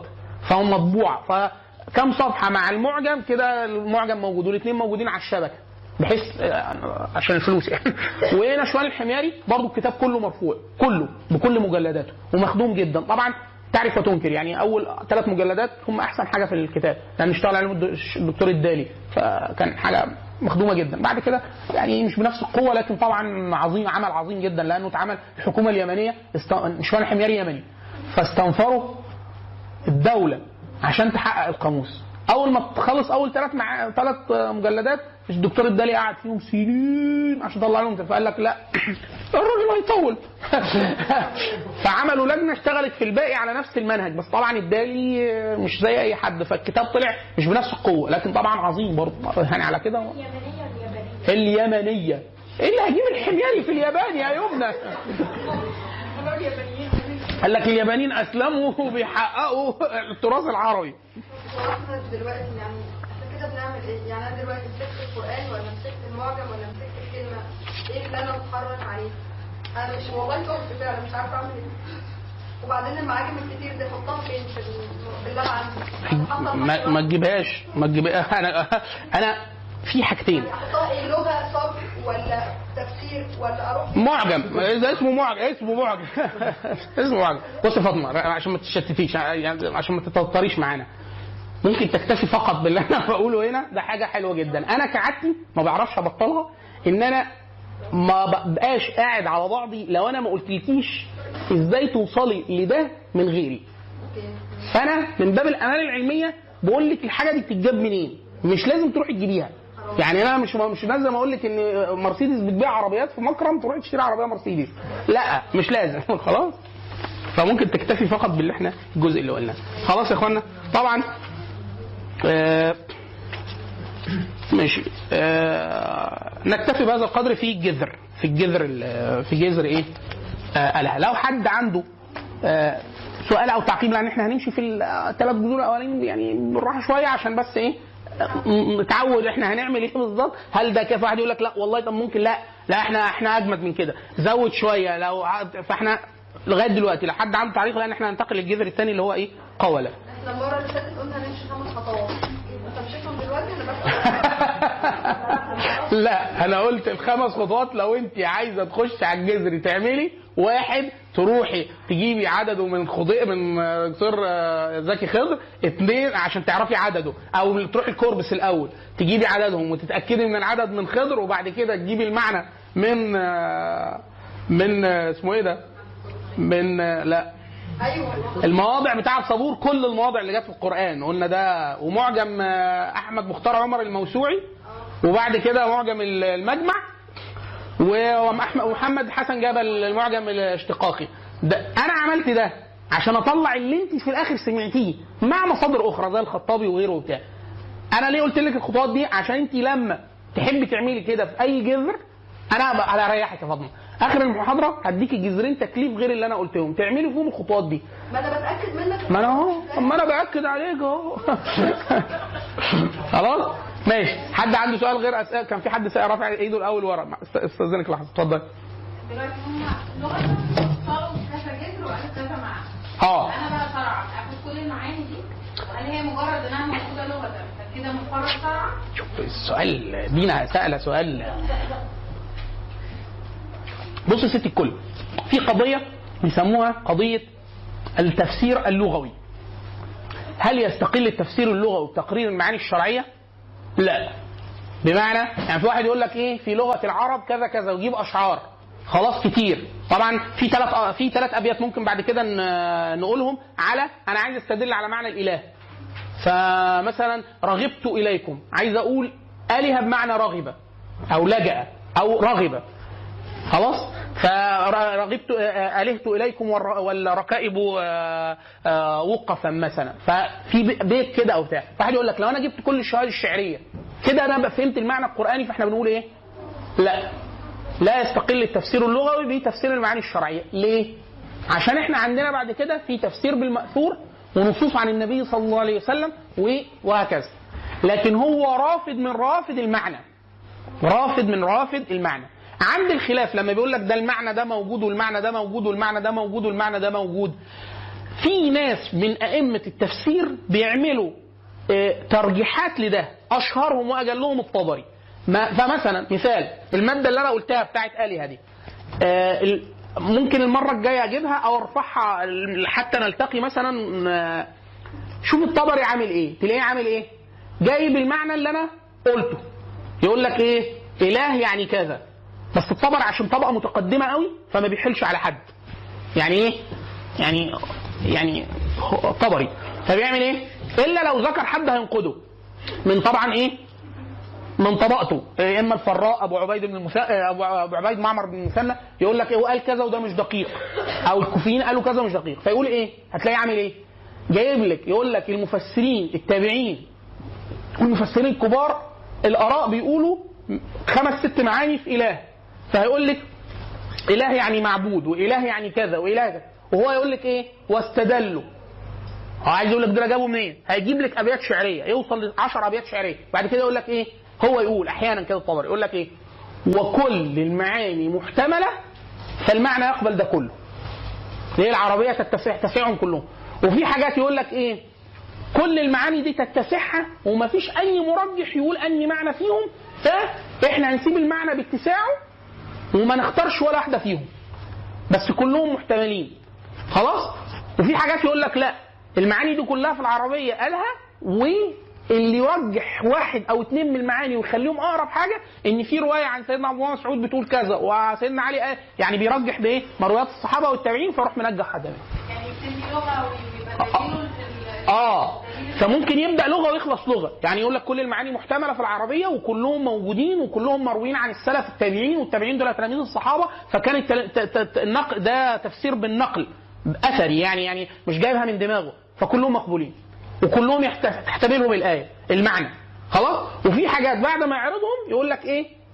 كلهم موجودين ومش هنعين واحد لأن ما عندناش نصوص تنجأ يعني مفيش نقص بعينه يقول ان أنهي معنى. وفي حاجات يقول كل المعاني بتاعت اللغة دي أهي والمعنيين القرآنيين اللي مقصودين دول بس سبب حجته في ده أدلة الصحابة والتابعين اللي بتقول 1 2 3 4 آه لكن سؤالك في محله وده قاعدة أغلبية يا اخوانا يعني إن هو لا يستقل التفسير اللغوي بتفسير القرآن ليه؟ لأنه ده بيقطع تماما معناها أن وجود الصحابة والتابعين وكأنه دول مش موجودين وده مش صح. بل الط- الطبري بيعمل حاجة أع- أعلى من كده. يقول لك علماء العربية بيقولوا كذا والتابعين بيقولوا كذا، الرأيين متعارضين. والتابعين كانوا أعلى سندا وأقرب للصحابة وهم أعلم بمرادات صاحب الشريعة فالمعنى بتاعهم أصح من معنى بتوع اللغة. بص بقى إذا تعارض التفسير اللغوي مع التفسير بالمقصود ويروح منجح دول يقول لك لا ده مين؟ اللي بيعمل ده لا ده كان مجمع يعني الطبري كان أكبر من إنه عامل عالم اللغة اللي لا لأنه كله في اللغة صح. هو ما بيقولكش في اللغة مطلقا غلط. اللغة بيقول لك اللغة تحتمل. أنا فين نزاعنا إن المعنى ده بتاع اللغة يفسر بيه السياق ده ولا لأ؟ أنا قصدي بس بروح الاقي الكلام ده في كتاب التفسير ولا في كتاب نحو الكلام اللي أنا بقوله لك ده عشان دي كانت طبقة متقدمة. فكانوا يعني موسوعيين فهتلاقيه في موضوع واحد كله. الطبري بيعمل ده كله. يعني الطبري بيقول لك الاثار باسناده باسناده هو هو وبعد ما يخلص يجيب لك اراء علماء اللغة يقول لك الكوفيين قالوا كذا والبصريين قالوا كذا والردود ب... وادلتهم كذا وينازعهم في الابيات الشعر الشعريه اللي فسروا بهم القاعده النحويه وبعد ما يخلص يروح جايب لك نصوص المفسرين باسناده وبعد ما يخلص يقول لك والراجح عندي 1 2 3 4 أيوه بس لو كاتب كتاب لغه هيجي تثبت حجه برضه التابعين ولا الصحابه على علماء اللغة؟ لا بتاع اللغة ما بيتكلمش في القرآن المفروض. يعني بتاع اللغة بيقرر ما ما هو موجود في في كلام العرب فكانه بيعمل معجم. ف... لا الطبري الطبري قضيته أخص من بتوع اللغة. ما بيقولكيش ده موجود في العربية ولا لا. أنا بقول لك السياق القرآني فيه المعنى ده ولا لا؟ ف رأيه أضيق. طيب. بس. معايا خطوات همشي فيها عشان أطلع البذور دي كده المعنى اللغوي أنا كده إيه قربت كويس جدا من المعنى من الفهم العام. ده هيديكي فهم مرضي جدا. في مساحة أضيق من كده أدق؟ آه اللي هي إيه؟ مراجعة كلام حد من المفسرين النقاد اللي هم أشهر ثلاثة على الإطلاق اللي بيعملوا الحكاية اللي بقولها لك طبري وابن عطية والقرطبي. دول يعني لازم أرجع لحد فيهم قبل ما أقول إنه ده المعنى اللغوي يساوي الشرع صح ولا لأ؟ آه الخطوة النهائية بتاعت إن هو ده الشرعي دي دي مرحلة ضيقة جدا. لكن إحنا المعنى هنا بنقول لك إيه؟ المعنى الواسع جدا ان انت لو ده قام في صدرك هتبقي انت كده إيه؟ قريبة جدا من تلقي إيه؟ من مش ليه إحنا إحنا بنقول حتى إحنا أبعد من كده بكتير. يعني إحنا زي في النحو مثلا لما أقول لك حاجة آه بعد ما تع- بديك إعراب وبقول لك الآية دي تحتمل الوجه ده والوجه ده والوجه ده آه ممكن بعد كده في مستوى أعلى أقول لك إيه؟ كل الوجوه مرجوحة. كلها. يبقى ما فيش تاني حاجة أعلى من كده. أنا بقول كل الوجوه مر- مرجوحة. إحنا في المستوى ده بنقول إيه؟ إن المعنى ده المعنى ده موجود في العربية لهذا المعنى الشرعي آه، بمعنى واسع. في مراحل أدق من كده آه طبعا بس مش في المستوى ده. أنت اللي إحنا قلناه. إحنا خلينا في... صغير. هو المفروض إن إحنا كل ما حد كان عنده علم أكتر باللغة يبقى اقرب يقترب جدا جدا من فهم النص. في مرشح غير لغوي آه شرعي. آه شرعي ليه؟ لأن إحنا بنقول الصحابة نفسهم اللي هم عرب. فصحاء اقحاح لما كانوا بيسمعوا من النبي في بعض المواضع بعض المواضع كانوا بيسألوا النبي صلى الله عليه وسلم بيقولوا له إيه؟ لا معلش هو إيه معنى الظلم؟ آه، يخلطوا إيمانهم بظلم، إيه بقى الظلم ده؟ إن هو إيه؟ فالنبي قال له إيه؟ ردوا المعنى شرعي. إيه الظلم؟ فقال له لا الظلم هنا هو إيه؟ الشرك. الشرك. فإيه؟ ردوا التفصيل عشان كده المعنى اللي انت كنت بتسالي عليه دينا واللي انت بتسالي على الشيخ الأمين الشنقيطي محمد محمد الامين محمد الامين شقيق الله يرحمه هو من أجل المفسرين في التاريخ المعاصر على الإطلاق كان عامل كتاب اسمه إيه؟ أضواء البيان أضواء البيان ده مبني على إيه؟ واحد تفسير القرآن بالقرآن فأنا عايز أقول لك المعاني اللي هو عشان كده أنا بقول لك في جزء من المعاني والطبري عملاق في ده إن هو إيه؟ أنا هجيب لك قراءة داخلية جوه النص القرآني والنص السني النص السنة يعني احاديث النبي. أستخلص لك منها مرشح للمعنى اللغوي. فالصحابي اللي جه المعنى لما قال له الظلم إيه ده ما فيش ولا واحد فينا ما خلطش إيمانه بظلم يعني كلنا هنهلك فقال لهم إيه؟ النبي قال لهم إيه؟ لا الشرك. ألم تسمع قول لقمان لابنه ان إن الشرك لظلم عظيم؟ هو ده المعنى. ده تفسير قرآن بقرآن ده مرشح مرشح للمعنى مرشح شرعي. فما ينفعش واحد يجي يعمم يجيب يقول لك لا الظلم عند العرب أوسع. ما أنا عارف إن الظلم عند العرب أوسع. أنا بقول لك دلوقتي إيماني لو اختلط بظلم بالمعنى الواسع للعربية هيقع علي الوعيد اللي في الآية؟ لا. الوعيد اللي في الآية موجه للظلم بمعنى الشرك فقط لا غير. بس. حديث الكبر اللي هو غمض الناس. هنا بقى ده تفسير العربي قال له إيه؟ قال له إيه الكبر؟ أنا بحب أعمل كذا وأحب أعمل كذا. ده معنى متوهم. خلاص؟ فقال له إيه النبي؟ قال له الكبر. ده مرشح شرعي. شرعي يعني أنا لو ما عملتش دولة يبقى أنا خارج من الكبر بالمعنى الشرعي. بس ممكن يكون بالمعنى اللغوي يحتمله. آه قصدي كده كان عندهم بقى المعنى ده موجود؟ آه، معنى طرأ لذهن العربي وإلا ما كانش سأل. وإلا ما كانش سأل. المعنى التاني. آه. المعنى الثاني ده مرشح شرعي. شرعي يعني النبي بيقول له لا اللي إحنا اللي مقصود واللي عليه الإيمان والكفر أو الوعيد أو الثواب هو كذا كذا كذا. خلاص؟ عشان كده بالمعنى الواسع. الناس دايما في الشرع لما يجي يعرف اللغة والزكاه الصيام والزكاه والصلاة يقول لك الصلاة لغة كذا اصطلاحا كذا. ليه؟ لأنه المعنى الشرعي قد يكون غير منطبق على اللغوي بالضبط.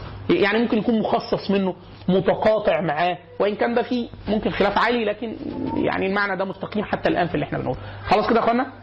حد عنده سؤال تاني؟ في بيتين شعر أو حاجة كده على آه لو حد إحنا كنا بنقول إن إحنا يعني نفضل إن إحنا يكون معانا بيت واثنين وثلاثه على ال- النصوص ال- أنا اديتك الورق فين؟ آه، مثلا إن اطلاق بعض العرب كانوا وثنيين فبعض النصوص الشعرية بتاعتهم آه، بيطلق آه، آه، الهه على على ال- الأشياء المعبودة بغير حق زي الشمس فهم كانوا بيسموا الشمس الهه فعنده ع- في مثلا بي- بيت بيتكلم عن الشمس الشمس فبيقول إيه؟ تروحنا من اللعباء عصرا اللعباء ده مكان عشان بس إيه؟ محدش يقف قدامه. مكان قرب البحرين كده. البيت بيقول تروحنا من اللعباء عصرا فأعجل فأعجل فأعجلنا الإلهة أن تؤوب. ده واحدة كان اسمها مية بنت عتيبة أم أم البنين. كانت بترثى بترثي أباها فقالت آه، في, أبيات لها يعني. فواحد مثلا كان بيتغزل في المحبوبة فبيقول مثلا ألهت إليها والركائب وقف ألهت إليها والركائب وقف ف بيت. آه، أكثر أكثر ثلاث أسماء استدلالا بهم في الشعر في القرآن على الإطلاق رؤبة وابوه والاعشى آه، رؤبة رؤبة من العجاج. لو حد يعني ما مش والابوه العجاج يعني رؤبه طبيعي. الاثنين رجازين. يعني؟ معظم شعرهم على الرجز ويكثر فيه غريب غريب اللغة. فالاثنين من أكثر الناس مصادر في تفسير القرآن والسنة. رؤبه ورؤبه والعجاج. يعني رؤبه بن العجاج والعجاج. خلاص؟ والأعمش. والأعشى. الأعشى الكبير اللي هو ميمون بن قيس لأن في أعشى تاني. خلاص؟ آه رؤبه لي آه لله در الغانيات المدهي سبحان آه سبحنا واسترجعنا من تأله. الشاهد في العبارة تأله. لله در الغانيات المدهي سبحنا واسترجعنا من تأله. آه، لو حد عايز يشوف حاجة لطيفة جدا على فكرة تتبع الشواهد الشعرية بس آه، يعني البنت بتتوتر لما بنقول مراجع يا بنتي مش هتروحي تقريها. المصدر المصدر عشان تبقى. آه، هي دراسة دراسة ممتازة جدا. آه، اسمها الشاهد الشعري في آه، آه، في تفسير القرآن الكريم. بتاع بتاع الشهري عبد الرحمن الشهري.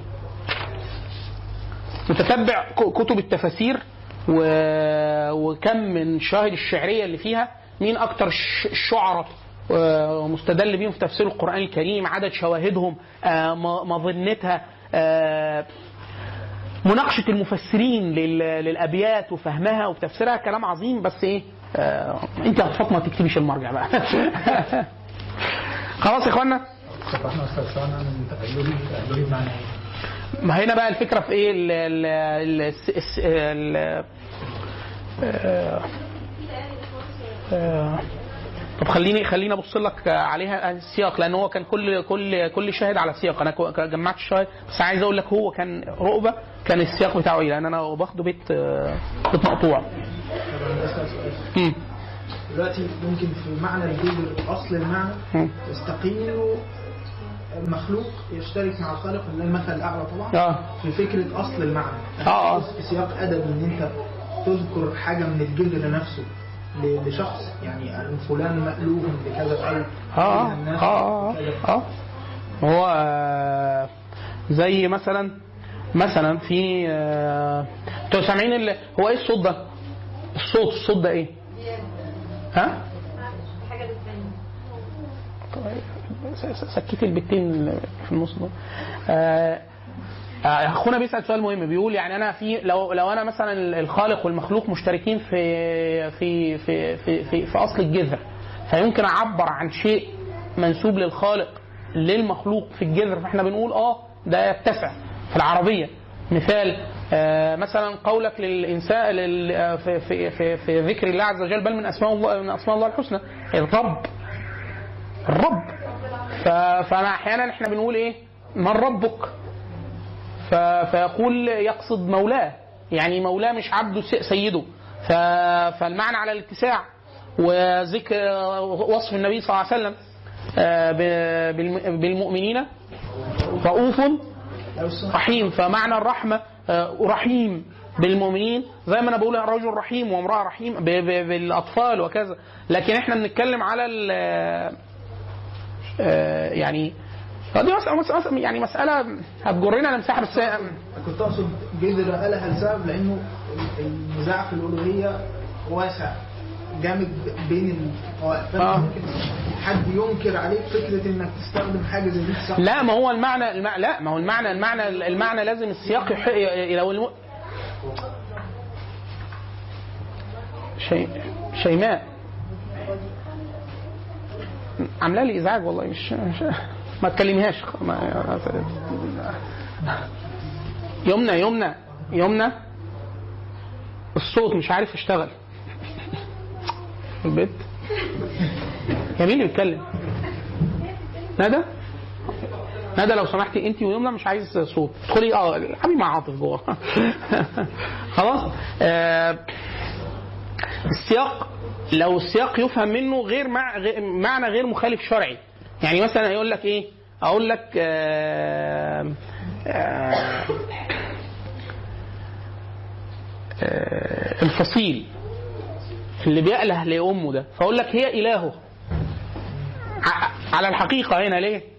حقيقة إيه إن هو إيه؟ هي إلهه يعني اللي بيأله لها بيحنها وبيشغل فكده لو واحد عربي فصيح والكلام مستقيم مش هيفهم أي إيه؟ مش هيفهم أي معنى إيه؟ يعني هو واحد يحب زوجته جدا يستقيم إنه يقول عليها معنى زي ده إن هو يشتاق من باب لو العربية لو العربية تحتمله العربية تحتمله من غير من غير من غير مدخل شرعي ماشي. لكن هو لا يقال مثلا فلان فلان يعني مثلا أقول لك إيه آه آه فلان ده الله. ده لا يقول القائل لكن فلان رب البيت. خلاص ينفع. آه في معاني الاشتراك بالأوصاف زي الرحمة والرأفة. ده بيشترك فيها الناس كتير وما بيظنوش آه، العزة. آه خلاص وهكذا. آه، في حاجات عشان كده مثلا قالوا الله لا تنسحب إلا على على الله عز وجل. خلاص بقى ما ما ما, فيهاش بقى. آه، في مساحات تانية. آه، لو قلتها الناس مش ه... مش ه... مش هتنكر عليك من ناحية. من ناحية اللغة. زي العبادة. آه، في أحيانا في المعنى الواسع. آه، مثلا آه، آه، عباد الشمس. فالناس يقول لك لا ده يا أيوه يعني مفهوم مفهوم إن هو متتبع شديد التتبع للشمس مش أكتر. ف... آه. ومعنى العبد اللي هو التابع. خلاص؟ آه زي آه اسم جد النبي صلى الله عليه وسلم. عبد المطلب. ما هو عبد المطلب هنا مش عبده عبده. ده يعني يعني ده ليه قصة يعني لكن الشاهد إن في معاني العربية تتسع. وفي معاني لو اتقالت هو معنى مخالف شرعي وحلو في العربية. وحلو في العربية. خلاص؟ طبعا بعد كده الموضوع باظ خالص مننا آه في في اللي هو التحميل الرمزي. وده يكثر جدا في الشعر الصوفية.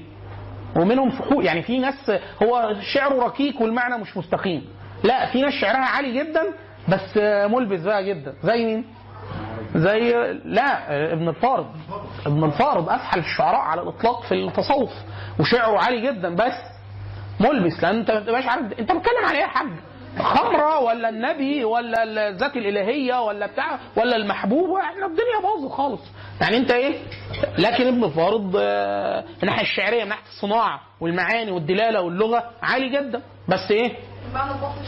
لا مش في بطنه. ده ما- المعنى غير معروف حتى للشاعر نفسه. هو مع دي مشكلة بقى فكرة إيه؟ عشان كده دايما بيقولوا إيه؟ الكلام ده كله بعد عصور الاحتجاج. ليه؟ مفيش عربي بيقول كده. مش عربي يقول كده والعربي لو اتقال له الكلام ده يقلق. بس آه لأنه ده مش موجود في لغته أصلا. مش موجود. خلاص. إحنا إحنا هنا بنتكلم إيه؟ في العربية الفصيحة المحتج بيها جوه السياق القرآني. ليه؟ لأنه المعنى في العربية واسع جدا. أول ما بتيجي النص الشرعي الشرع السؤال بتاع دينا اللي هو في مرشح شرعي لهذه المعاني. خلاص كده؟ طيب. آه إحنا خلاص قلنا ألا قولة الجذر تاني أكثر الجذور ورودا في القرآن الكريم آه، الشيخ حاتم كان أشار لي يعني بملاحظة وهي ملاحظة يعني آه، بس هي ملاحظة متع... يعني معقدة شوية آه، بس إحنا نقولها من باب الأمانة يعني هو كان بيقول لي الأرقام دي هل هي دقيقة جدا لهذه الدرجة؟ فبقول له من باب الإحصاء وطريقة العد آه لكن لو زادت أو قلت سنة لن يغير شيء في الترتيب والدليل إن الكورس لو حد شاف قرآن كورس أو كورس قرآن هيلاقي إن العد غير اللي إحنا بنقوله. ليه؟ لأنه بيعدوا بطريقة مختلفة. بس هم عشان يعني مستخدمين طريقة غير مرضية من الناحية الصرفية والمعجمية. آه الراجل اللي بيعد خضر محمد زكي آه بيعد بطريقة أدق منهم. فمطلع رقم. هب إن الرقم ده قل أو زاد نسبة بسيطة. مش هيغير في إيه؟ في المعنى الأساسي اللي إحنا بنتكلم عنه إن هو إيه؟ إن هذا هذا الجذر لو غطيته فهما بأي درجة من الفهم بهذه الطريقة يعني أنت آه، بتتكلم في حاجة مرضية وموجودة في المعاجم وبتاع بس بقدر ما من التبسيط غير المخل ولا التطويل الزائد لدرجة إن إحنا إحنا ممكن نقعد بدون مبالغة في أي جذر ممكن نقعد فيه شهر واثنين وثلاثة وما نستوفيهوش ليه؟ لأن هنخش بيه بالمستويات الثانية اللي هي إيه؟ الصرف ودلالات الألفاظ ودلالات الألفاظ مع البنى النحوية مش هنخلص خلاص بس إحنا بنقول إيه؟ مدخل اولي لف- لفك بعض ال- الحاجة المعجمية بس ننقل نقله يعني. خلاص؟ فقاف الواو واللا- واللام. ثاني أكثر الجذور ورودا في القرآن. 1722 آه، مرة.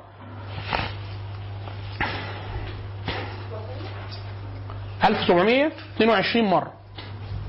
تاني كان 1851 ألا. 2851 ده 1722 خلاص؟ آه في معنى محوري؟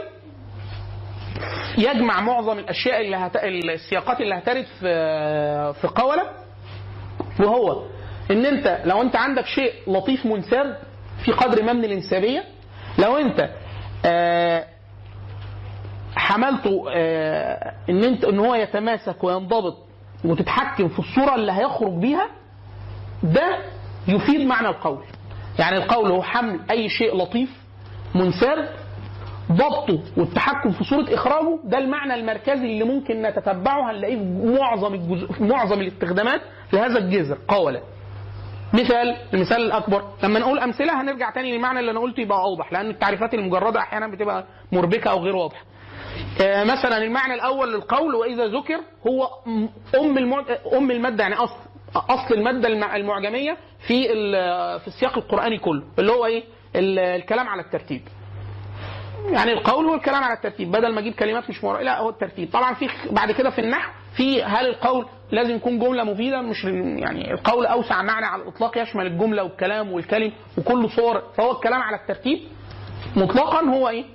القول. معظم المادة اللي في القرآن من هذا من هذا المعنى. في بعد كده معاني بسبب تغيير البنية الصرفية بتحمل المعنى ده وزيادة آه زي مثال تقول ولو تقول علينا بعض الأقاويل. خلاص؟ تقول تفعل يعني ادعاء نسبة القول إلينا ولم. ولم. ولم يخرج الكلام منا في الأصل. فأنا بقول لك أنت بتتقول عليا. يعني أنت بتنسب كلام مرتب ليا وأنا لم أقله. خلاص؟ لكن إيه؟ إيه الزايد هنا؟ معنى أو دلالة البنية الصرفية اللي هي تفعل لكن أصل القول أو الجذر هو الكلام على الترتيب. لكن أنت هنا عايز تقول لي إيه؟ إن أنت بتنسب لي كلام أنا ما قلتوش. بس. لكن هو برضه إيه؟ هو هو معنى إيه؟ معنى إيه؟ الكلام. طيب في معاني تاني في العربية؟ آه بس إحنا دي عادة هنلتزمها في كل الجذور. إن إحنا عشان الم- المسألة ما تتسعش مننا إن إحنا هنلتزم بذكر المادة اللي في المصحف. ليه؟ لأنه ممكن يكون الجذر واسع جدا في العربية أول ما نيجي عند المصحف, تلاقي إيه؟ هو معنى أو معنيين هو بس اللي جه. فإحنا إيه؟ ذكر الثاني هيبقى من الاتساع الشديد جدا وخاصة في مواد ثرية قوي يعني قولة مثلا ممكن يوصل ل 12 استخدام. خلاص منها إحنا هنقول أمثلة أمثلة عامة عشان بس الناس تفهم إن المسألة إيه؟ فيها قدر من الاتساع. بس إحنا بنقول إن ده عايز يخدم على أنت فهمك ودخولك مع المصحف. عشان كده هنلتزم قوي بال ان هو بالمعنى الكلام على الترتيب. ممكن يبقى الظن. معنى إن أنا معنى الظن. وممكن بمعنى الاعتقاد. أو الاعتقاد أو القول برأي. زي ما أنا أقول لك إيه؟ ده يقول بقول الشافعي أو يقول بقول أبو الحسن الأشعري. هنا يقول يعني بعد يقول لك يعني بيقولوا. لا. يعتقد أو يراه. يراه رايا أو يعتقد اعتقادا. خلاص؟ فالظن عكس. عشان كده إحنا دايما في العربية من الحاجات الكلمة بتبقى مستخدمة إما الظن يعني عدم التحقق أو الاعتقاد إن هو التصور الذهني حتى لو مطابق للواقع مش مطابق للواقع. أو نسبة كلام لشيء لو كان يتكلم. يعني يعني أنا عايز أقول عن عن حاجة أنسب لها كلام متخيل أتوهم حتى لو شيء. فانا أقول إيه؟ فقالت كذا. في سياقات كتير جدا في الشعر والنثر الفني الفصيح معناها إن هي إيه؟ أنا بقول لك وكأن لسان حالها في هذا المقام أنها لو تكلمت بكلام مرتب تقول كذا كذا كذا. فهو إيه؟ هو بيبقى إيه؟ إشارة آه إشارة غير الصوت إلى معنى وإن كان متخيلا يعني إيه؟ هو ما قالش حاجة بصوت. تتسمع بس أنا إيه؟ عشان كده في القرآن يعني يقولوا إيه؟ آه إيه؟ ويقولون في أنفسهم لولا يعذبنا الله بما نقول. فيقولون في أنفسهم. ففي في في مش لازم يكون حاجة بصوت. ده خطاب آه، آه، ذهني. وفي أبيات شعرية كتير جدا فقالت كذا. آه. فقد قال مرحبا وأهلا وسهلا الله يفتح عليك. فلا فكرة إيه؟ هو هو مين اللي قال؟ هو ما حدش قال. ده أنا إيه؟ أنا توهمت لو كان تحدث في هذا المقام لقال واحد اثنين ثلاثة أربعة فتح الله. بس هل ده فصيح؟ لا ما أصل إحنا أنا أنا عايز أصل على فكرة إحنا لو يعني الأشعار لو إحنا طلعنا بره الاحتجاج هنلاقي معاني تانية. إحنا إيه؟ لا ممكن والله. م... المعنى المعنى الأغلبي هو المعنى الأول. هو الكلام حمل شيء؟ لا الكلام على الترتيب. الكلام على الترتيب هو ده المعنى المعجمي. كل الظن والاعتقاد والرأي وتحميل غير المتكلم كلام لو كان يتكلم لقاله كل ده إحنا إيه؟ في المعنى الاتساع.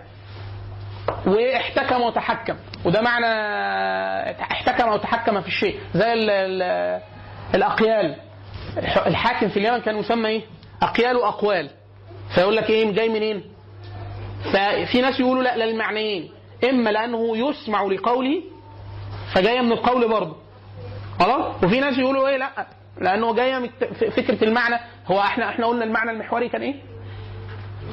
حمل الشيء المنساب على التحكم والضبط المعنى المحوري في الأول خالص اللي هو هيطلع من طب إيه المعنى المحوري في القول؟ إن أنا المعاني وهي سائلة في ذهني لما أجي أقولها بعمل إيه؟ برتبها واتحكم في صورة اخراجها وأقولها الأقوال والاقيال اللي هم الح- الحاكم بيعمل إيه؟ دي واضحة واضحة بينفخنا كلنا نتحكم في صورة خلاص فالأقيال أو الأقوال إما إن هو جاية من فكرة التحكم اللي هو المعنى الضبط ده معنى إيه؟ المعنى المحوري أو جاية من المعنى الأول اللي هو إيه؟ لأنه يسمع ليه؟ قولهم فهو معنى إيه؟ آه معنى من المعنى الأول. المعنى الأوسع على الإطلاق في ال- في في, استعمال العرب لقاله لقاله إن هي إيه تنسب كل فعل لهذا الجذر. وده موجود عندنا حتى الآن في العامية الصعيدية في قناء كل الأفعال. يعني مثلا إيه أنا قلت لك إيه أنت عايزة توصفيني. أنت عربية فصيحة هنفترض كده. خلاص؟ فأنا إيه آه آه أخونا اسمك؟ إسلام. فالاستاذ إسلام يمسك كده. خلاص؟ فهو ادهوني. فانا بقول لك اوصف أنا عملت إيه؟ فاقول لك إيه؟ فقال بيده هكذا. يعني أخذ. طب ما تقول أخذ. فشيلي كل فعل وحطي قال العرب تمشي معاه. فيقول لك أخ فقال بيده كذا يعني أخذ؟ أو ضرب. فقال برجله يعني مشى. خلاص؟ فقال به يعني قام فقتله. يعني بيه بيه أنهي فعل ركز. كل فعل يمكن إزالته وضع قال فعشان كده فقال بيده تنفع فقال فقال به مطلقا يعني قتله. عشان كده يقول لك إيه؟ فقاموا به فقالوا به فقلنا بهم. يعني آه، قتلناهم كلهم. خلاص؟ بالرغم ان المعنى عشان كده إحنا بنقول إيه؟ العربية. من غير عربية اتهم أي حاجة هتفهمها في القرآن والسنة والشعر وأي كلام. ليه؟ لأن أنت أول ما تقرأ فقلنا بهم فقلنا بهم فقلنا بهم. هيقول لك ياه صدعوا إيه الصداع يا عم ده يا بيه قتلوهم قتلوهم قتلوهم فهو تحت الأول وإنت لما تيجي تقرأ المعنى في التفسير قلنا بهم يقول لك إيه قتلوهم ده عبيط ده ولا إيه؟ ليه؟ لأن أنت متصور إن المعنى الكلام على الترتيب إيه بقى؟ يقول لك إيه؟ فقال بيده هكذا إزاي؟ بايده؟ بايده إزاي؟ يعني إيه؟ هو قال يعني عمل كده. فيقول لك قال بيده يعني أخذ. عشان كده إحنا ليه أنا بقول موجودة في الصعيد؟ أنا أصلا من سوهاج. فالجماعة من أقرب اللهجات للهجات العربية القديمة قرى الصعيد لغاية دلوقتي. ليه؟ اللغة تلاقيها صعبة قوي ولو واحد مدقق تلاقي في كتاب مشهور جدا كان عامله واحد عالم بس كتاب قديم بس معنيين بالمعنى ده اسمه رفع الإسر عن لغة أهل مصر. رد كل الف... العامي الفصيح العامي الم... المصري للفصيح. بس طبعا مش دلوقتي. والا علي علوكة وأشرف كخه ما لهمش دعوة بف- حاجة بالفصاحه خلاص؟ أي اللي هو لا لا لا لا لا. ما إحنا عشان كده انا قلنا إيه في الأول؟ قلت المعنى الأغلبي في القول هو الكلام على الترتيب. لكن في في العربية معنى متسع جدا اللي هو إيه؟ قلنا التحكم وال ال- ال- زي الأقوال والأقيال وال- وقال به وال كل المعاني دي موجودة في العربية من الجذر قال وأوسع كمان من كده. بس إحنا إيه؟ المعنى الأغلبي يكاد يكون يستوعب المادة القرآنية كلها هو القول القول. خلاص كده؟ كنت آه يقول لك إيه؟ ف واحد بيحكي لي قصة واحد من قنا صديقي كان في فبيقول لي جال لي فلان وبيحكي له بتاع يقول لك وراح ماسك ال- ال- ال- ال- ال- ال- الشومة وراح جال على دماغه كده أنا عايزه قال إزاي؟ آه والله أنا عايز أفهم إيه إيه فين دي؟ وراح جايل بإيده كده مرة اثنين ثلاثة بعد كده دخلتها في الداتابيز وجربت المعنى آه تصدق يعني عمل بإيده كده. ما هو إحنا عمل عمل.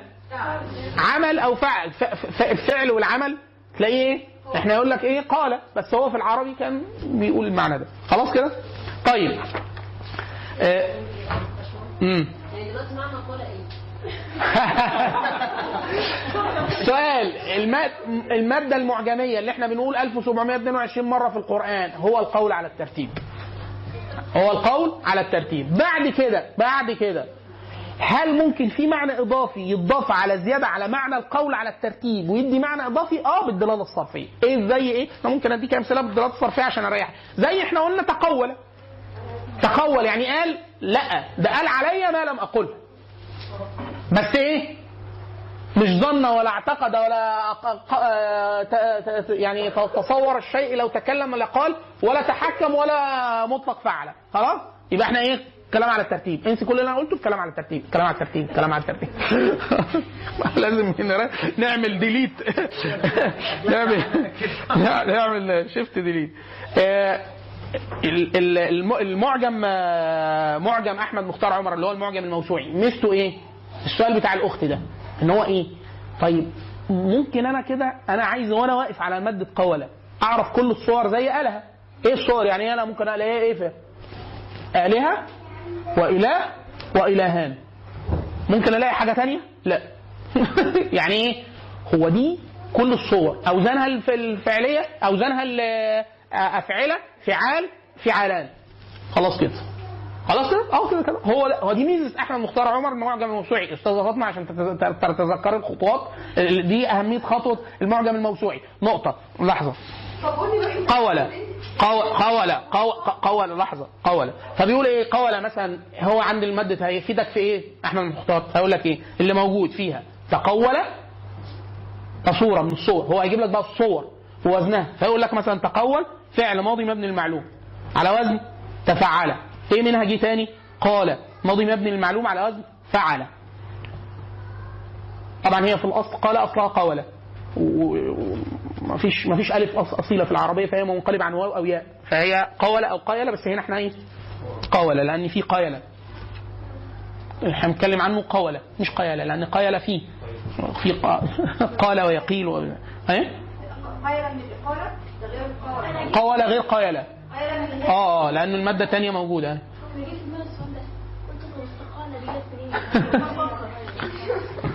في على فكرة آه، السؤال يبدو يعني مش هي السؤال مشروع يعني. أحيانا بيبقى في خلاف عميق ما بين علماء الصرف وعلماء المعجم.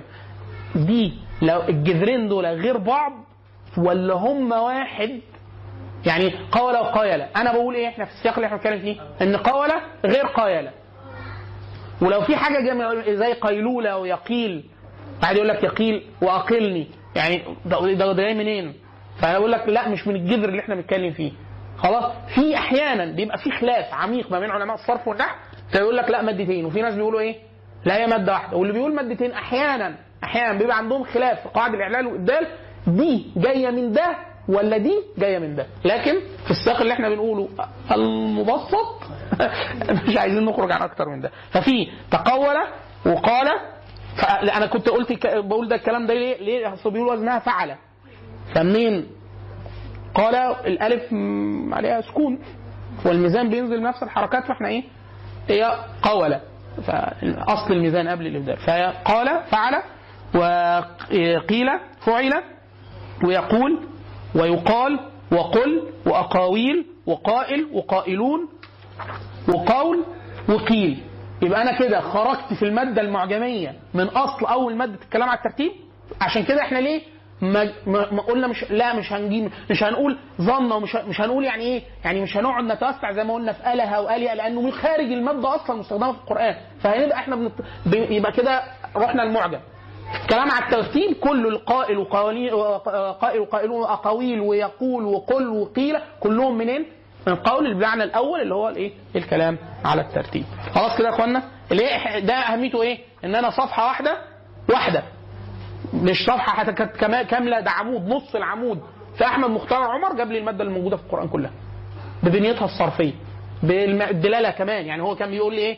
بيقول لي قال بيقول لي ماضي مبني المعلوم أدي معلومة وبعد كده بيقول لي وزنها فعل طب المعنى اللي مذكور في السياق ده إيه؟ نطق وتكلم الآية وإذ قال موسى لقومه وبعد كده المعنى المطلق اللي تحته النطق والكلام. راجل إيه؟ عدى العيب في صفحة واحدة جاب لي إيه؟ المادة. بس بعد ما أنا عملت إيه؟ إن أنا رحت جبت المعنى المحوري برضو إيه؟ عشان أنا أبقى عارف إن أنا بعد كده لأنه إحنا بعد كده أول ما تنتقل خطوة واحدة بعد اللي إحنا بنعمله. لما تروح للسنة هتفاجئ إن المادة اتسعت. في معظم الجذور. تلاقي المادة القرآنية صغيرة. في المع... في التوسع الدلالي أول ما تروح للسنه تلاقي المعاني إيه؟ أوسع من كده. خلاص؟ وده واضح جدا من كتب الغريب القرآن وغريب السنة. غريب القرآن محدود. آه، مثلا النهاية في في غريب الحديث لابن الأثير كتير جدا طب المعنى ده هو مشترك أصلا. عشان كده في ناس بيعملوا إيه؟ الغريبين. دي مصنفات كتيرة جدا. الغريبين. يعني إيه؟ غريب القرآن والسنة في كتاب واحد. بحيث يعلمك الجذرين بس إحنا أنا ما حبيتش أعمل كده في السياق بتاعنا ليه؟ إنه هتتسع جدا مننا الماده إحنا لغاية كده والموضوع بيبقى إيه؟ أحيانا مربك ولا إيه يا أستاذة فاطمة؟ أنا كده حاسه ان أنا كاني في محاضره امبارح ارتبكتي؟ بتاعت إيه؟ إيه ما فهمتش حاجة محسن؟ كنت قاعدة كلام جديد جدا طب ما كويس كويس خدناكي معلومة إضافية أهو طيب خلاص أنا في في بعد كده في في شواهد على المعاني المعنى غير ال- المعنى غير القرآني المعنى قال معنى مشهور جدا كم الشواهد اللي فيه في أي أي سياق آه، واضح.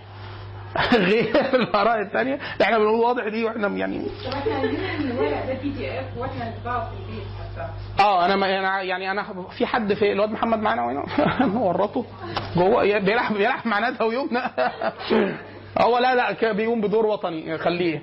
أنا عايز عايز أوفر لكم المادة دي دي.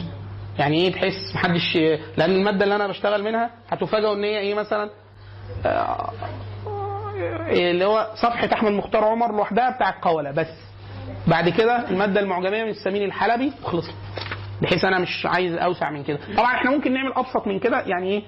آه، بس يعني لك هذا خلاص؟ طيب الجذر كونة. ثالث أكثر الجذور شيوعا في القرآن. يكاد يكون جذر كونة ده من أهم المعاني على الإطلاق في كل اللغات الإنسانية. آه والله. طبعا في العربي ما بيبانش قوي عشان إحنا أحيانا معظم التقديرات بنقدر كان. فهو مهم جدا في العربي بس على التقدير. في اللغات الثانية verb to be واسمه إيه في الفرنساوي؟ مين الرجاله هنا فين فرنسا؟ اللي هي الكينونة عموما مفهوم الكينونة يعني مفهوم الكينونة خلاص verb to be أن تكون تكون أو لا تكون هو هي. هو فعل الكينونة لكن طبعا إحنا لن نتوسع اطلاقا لأنه ده خلينا نخش في النحو من أوله لآخره عشان نحدد كان دي كان دي معضلة. خلاص؟ لكن كون الجذر في القرآن 1390 موضع.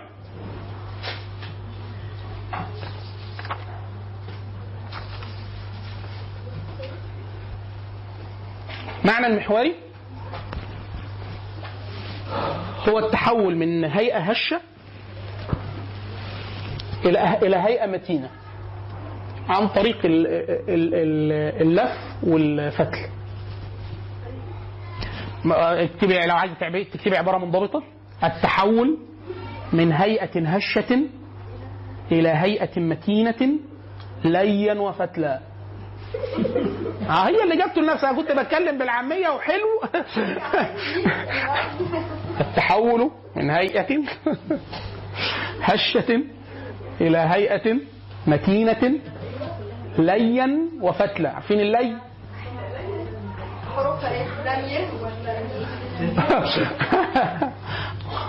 زي زي ال زي الغزل. فتل وال- والحاجة اللي فيها لي زي الزنبرك. مش بيسموه لي سوستة. ليه؟ لأنه ما لي آه. اللوي عارفة اللوي؟ واحد يقول لك آه لوى دراعه. ده اللي آه. أنا شايف إيدين كتير مرفوعة. ماليش دعوة. شوف شوف سابوا المحاضرة كلها وبصوا فين؟ في زاوية الكاميرا. يعني هي مش معناها إن يخلق الحاجة أو وأنا جاي لك جاي لا لا جاي لك جاي لك. لك جاي لك جاي. أمال أنا جاي بعمل إيه هنا؟ أنا جاي كنافه المعنى غير اللي إحنا عارفينه فده المعنى المحوري المعنى المحوري. أصل هو إيه؟ معنى المحوري بيش دي مظلة بتبقى كبيرة جدا. زي إيه؟ زي القول. إحنا قلنا المعنى المحوري إيه؟ حمل الشيء المنساب على التحكم فيه وإخراجه في صورة. فواحد يقول لك إيه؟ إيه ده؟ هي مش الكلام ما هو يا ابني الكلام حمل الشيء المنساب في ذهنك إلى شيء بت... آه هو ده. آه ده المشترك ما بين الم... طب القول ما هو ده المعنى العام إن أنا لما بعمل حاجة بعينها. في شكل أنا أصلا منساب في تصرفاتي ثم حولت الفعل بعينه. ده معنى القول. فالمعنى المحوري واضح في كل في الظن والرأي والاعتقاد لو تتبعناه. ده المعنى المحوري. أنت عايز بتسأله عن الرابط. إيه علاقة بقى الإيجاد من العدم بتحويل الشيء الهيئة الهشة المتينة اله- ال- الهيئة اله- من هيئة هشة إلى هيئة متينة. لين وفتل خلاص؟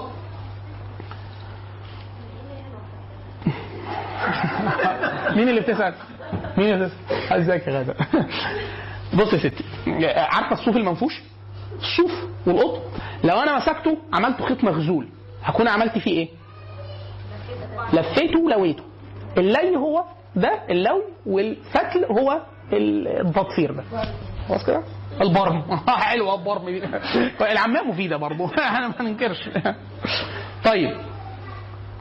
آه المعنى ده من أول معانيه فكرة التعبير عن الإيجاد بقى. ال- كن فيكون الإيجاد من العدم بإخراج شيء هش إلى آه صوره واحد يقول لك طب لحظة بقى. لحظة. هو إيه الوجود وإيه العدم؟ أنتوا عارفين آه، طبعا هي مشكلة فلسفية. فكرة العدم شيء ولا مش شيء؟ العدم شيء ولا مش شيء؟ دي مسألة كلامية أصلا عميقة خلاص؟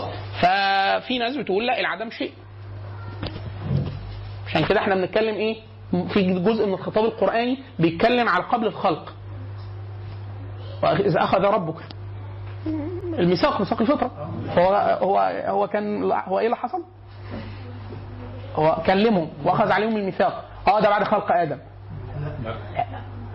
هو كان بيكلم إيه؟ عشان كده في مصطلح عند الصوفية بيسموه عالم الذره خلاص؟ مسألة لكن إحنا إيه؟ خلينا في الصورة إيه؟ في الصورة بتاعت إيه؟ إن الله عز وجل المعنى في الكون أو الكينونة أو إن اللي هو إيجاد الشيء إن هو تحويله من صورة إلى صورة متماسكة. الصورة دي هل إن في الحاله بتاعتنا بتاعت الخلق العدم. خلاص كده؟ يعني هي هشة قوي لدرجة إن هي إحنا هنسميها عدم. كون العدم ده إيه بالظبط دي مسألة مش ما تخصناش حاليا. خلاص؟ فالمعنى اللي متاخد من معنى المحوري في الخلق هو التحول من لا شيء إلى شيء. خليها دي كده سهلة، حلوة؟ طيب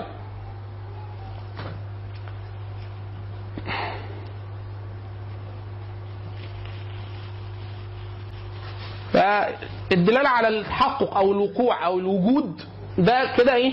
ده مظله مظله مظلة كبيرة. المعنى الأساسي عندنا في ال في ال في العربي في القرآن معظمه حوالين كان. كان ويكونون يعني إيه معظمه حوالين ال ال الكون. طيب اللي هو إحنا بن بندل بن يعني الكلام على أساس إيه؟ بتيجي للدلالة على اقتران مضمون الجملة بالزمن الماضي. اقتران الجملة بالزمن الماضي. أو ديمومه الوجود. يعني إيه؟ ال- ال- ديمومه الكينونة الاستمرار. يعني مثلا بالذات لما نيجي نتكلم عن ال- الكلام عن الله عز وجل. كان الله غفورا رحيما. يعني لم يزل. يعني كونه رحيم وغفور شيء دائم. وهنا الدلاله إيه؟ مرتبط بالزمن. بس بأنهي صورة من صور الزمن؟ هنا على المصاحبة والاستمرار. دائما. أو الأزل. إن هو من الأزل ازلا ازلا وابدا غفورا رحيما وهكذا. خلاص؟ طيب.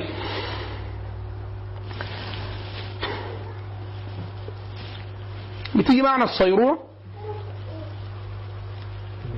الصيرورة صار تحول يعني. زي كنتم خير أمة. كنتم خير أمة يعني إيه؟ صرتم. صرتم آه والا ما كانوش من الأزل خير أمة وهو كان بيخاطب على فكرة. بيخاطب جيل بعينه الصحابة. إحنا الكلام ده بنفصل فيه في في على فكرة. هل يقول لك إحنا إحنا خير أمة؟ فقال لا مش أنت بعينك. يعني هم الصحابة كانوا خير أمة أخرجت للناس. ومن فعل فعله ألحق به طبعا م- مدحا ومكانة وكذا. خلاص كده؟ فرحمك الله. فكنتم خير أمة يعني؟ صرتم خير أمة. وبمعنى أحيانا وجد. الوجود برضه منسحب على فكرة إيه؟ ال- الكينونة برضه أو الك- الكون أو. يعني الوجود. زي فان وإن كان ذو عسرة. فنظره خلاص؟ فإن كان ذو عسرة يعني فإن كان هنا كان يعني إيه؟ إن وجد. في حاجة فقه كذا يبقى ياخد الحكم بتاعها خلاص؟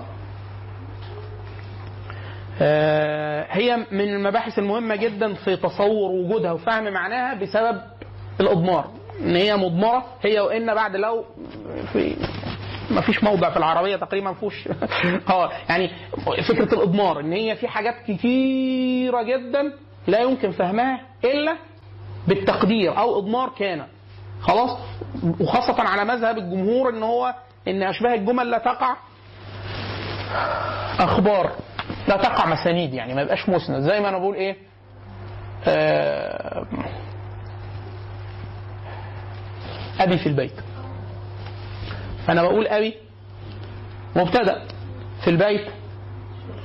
فالناس بيقول لك خبر هو ده مرجوح؟ يعني في النحو عند التدقيق ما بنقولش كده. إحنا بنقول إيه؟ في البيت جار ومجرور شبه جملة متعلق بخبر. تقديره إيه؟ كائن أو مستقر. خلاص. فيبقى أبي كائن في البيت. خلاص. ففعل الكينونة.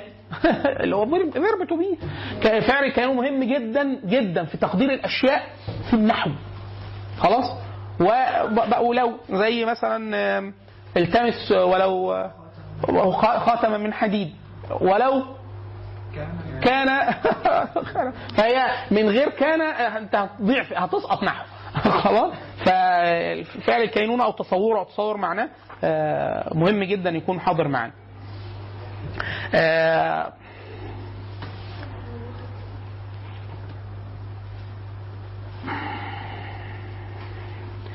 في مسائل يعني في مسائل دقيقة يعني في مسائل في النحو فكرة اللي هي على حجم المضي يعني هي بتعبر عن المضي بقد إيه؟ هل لازم يكون زي في. في الإنجليزية؟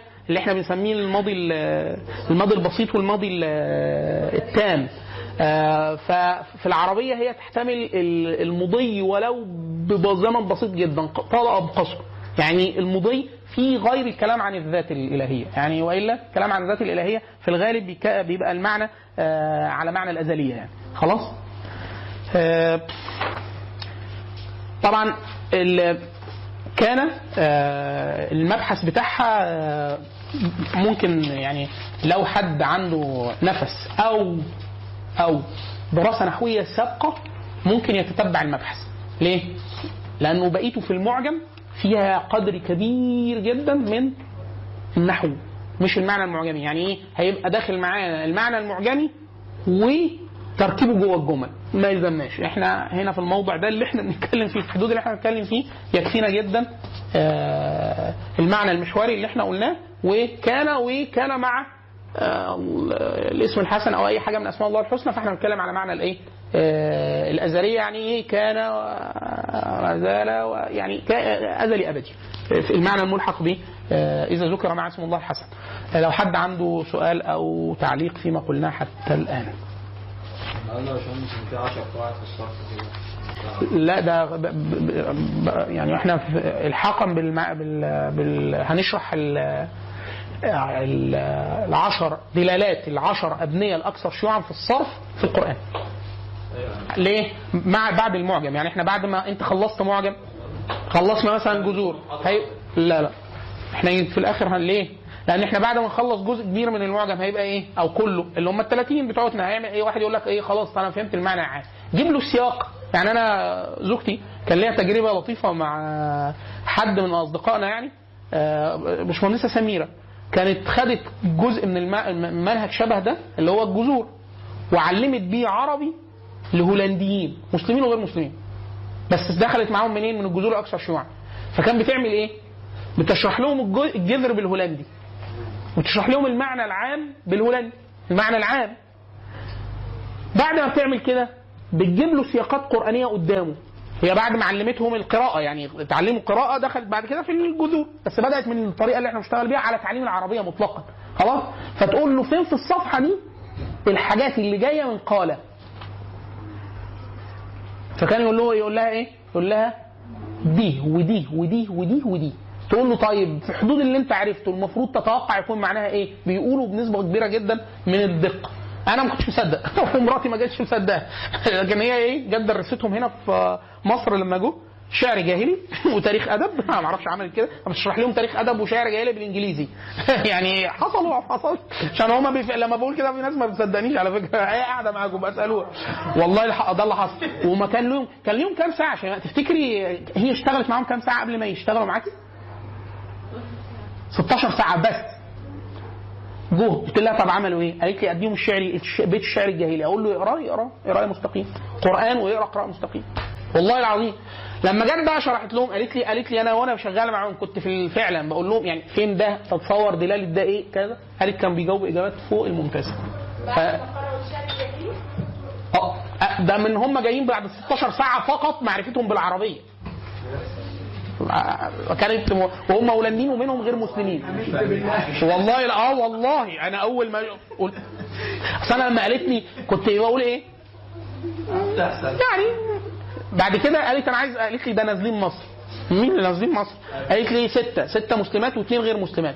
درسوا معاها 16 ساعة بتوع اللغة العربية. قلت لهم ماشي دول هيعملوا إيه هنا؟ قالت لي عايزة حضرتك تشرح لهم تاريخ أدب وشعر جاهلي بال- بالإنجليزي. لا أنا ما أعرفش اشرح بالعربي يعني قلت لها لا أنا الإنجليزي بتاعي أضعف كده بكتير جدا. قلت لها أنا ممكن أخلي زوجتي تشرح لي الإنجليزي بتاعها كويس والعربي بتاعها كويس. اتفقنا على مادة ومعايا أنت عايزين كام ساعة بتاع؟ كانوا أربع جلسات الجلسة في كام ساعة؟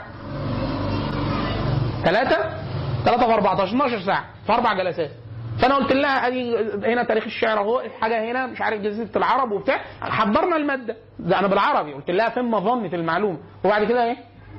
هي إيه؟ شرحتها له بالإنجليزي. خلاص؟ فالمفاجأة إن هم لما بدأت تديهم تقول له طب اقرأ اقرأ شعر جاهلي. قالت لي اقرأ مستقيمة جدا.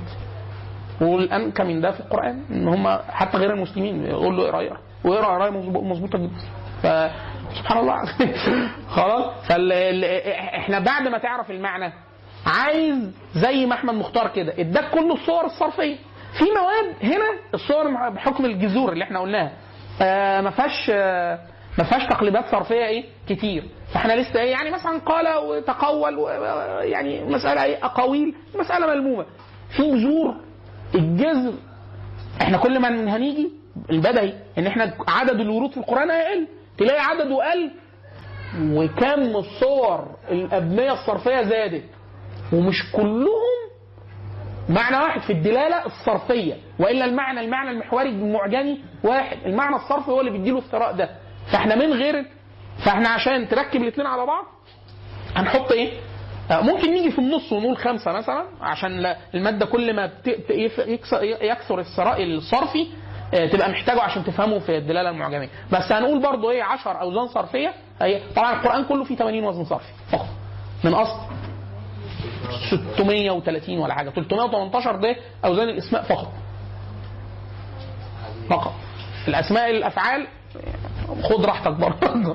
خلاص الاثنين على بعض انت أزيد من 600 آه، 600 وزن. القرآن كله فيه 80 بس. ال 80 دول كله كلهم لو انت عرفت من 5 ل 10 لاوزان أكثر شيوعا تبقى قاعد فاهم كل ما يرد.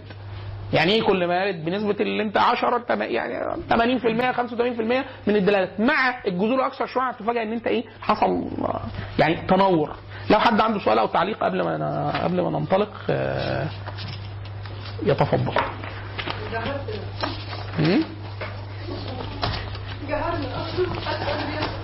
حد عنده أسئلة؟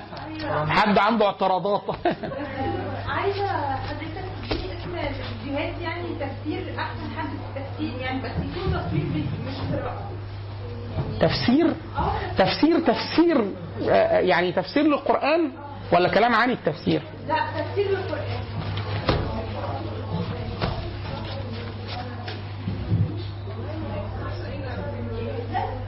خليني خليني خليني خليني أبص وأقول لك يعني ليه؟ يعني في من أشهر الأسماء على الإطلاق اللي ليهم كلام منهجي كويس جدا في التفسير والمؤلفات القرآنية وبتاع الشيخ مساعد طيار. آه، لكن ما أعرفش ليه منتج تفسيري يصلح للناس ولا لا. فخليني أسأل يعني لأن في حاجات موجودة بس تقيلة. في حاجات موجودة بس تقيله وفي ناس آه، مخلصة تفسيرات كاملة. يعني في ناس أنا أعرف كتير شيوخ مخلصين مثلا مختصر تفسير ابن كثير مسموع. بس أنت ليكي شرط بتقولي فيديو يكون سهل. لا المكروه ممكن آه. خليني مخ... أنا عايز برضو المادة تكون إيه برضو لأنه ممكن يكون حد آه، إيده طايلة. فيكون النحو والصرف والمعجم آه، تقيل. فخليني اسال أسأل وفكريني بالسؤال ده المرة الجاية. لو حد عنده سؤال أو تعليق أو تعقيب أو اعتراض يا اخوانا ليه؟ لأن إحنا لسه هو بادئين. بسم الله الرحمن الرحيم مع بعض. آه. وأنا ممكن يعني أسأل حضرتك لو عايز. الشرايح آه عشان إحنا كده مش يعني هتس... هتستحمل؟ على حسب. أنت اللي تعمل إيه؟ آه يعني ماشي. أنا أصل هو الراجل بيعرف بيقول لو كان في شرايح هيبقى الموضوع أسهل. آه، بدل ما نتوه يعني من بعض وبتاع. فماشي. والاقتراح بتاع الأستاذة كمان. فأنتوا لما الحاجة تبقى معاكم مكتوبة. و- وموجود فيه شرايح أظن الموضوع ممكن يبقى أكثر وضوحا. طبعا. طبعا. شوف البنت بتقول بقهر. طبعا. فأخونا أستاذ عمرو آه، هيساعدني في ده. ابعت لي على الواتساب. بحيث أبعت لك إيه؟ حتى نجرب في حاجة. آه لا. هجرب لك مثلا أبعت لك مثلا مادة مادة واحدة في اللي إحنا عملناه. ما أنا عايز أشوف إيه اللي يعني أو حتى من المادة المواد الجاية. أقول لك هاب إن ده اللي موجود.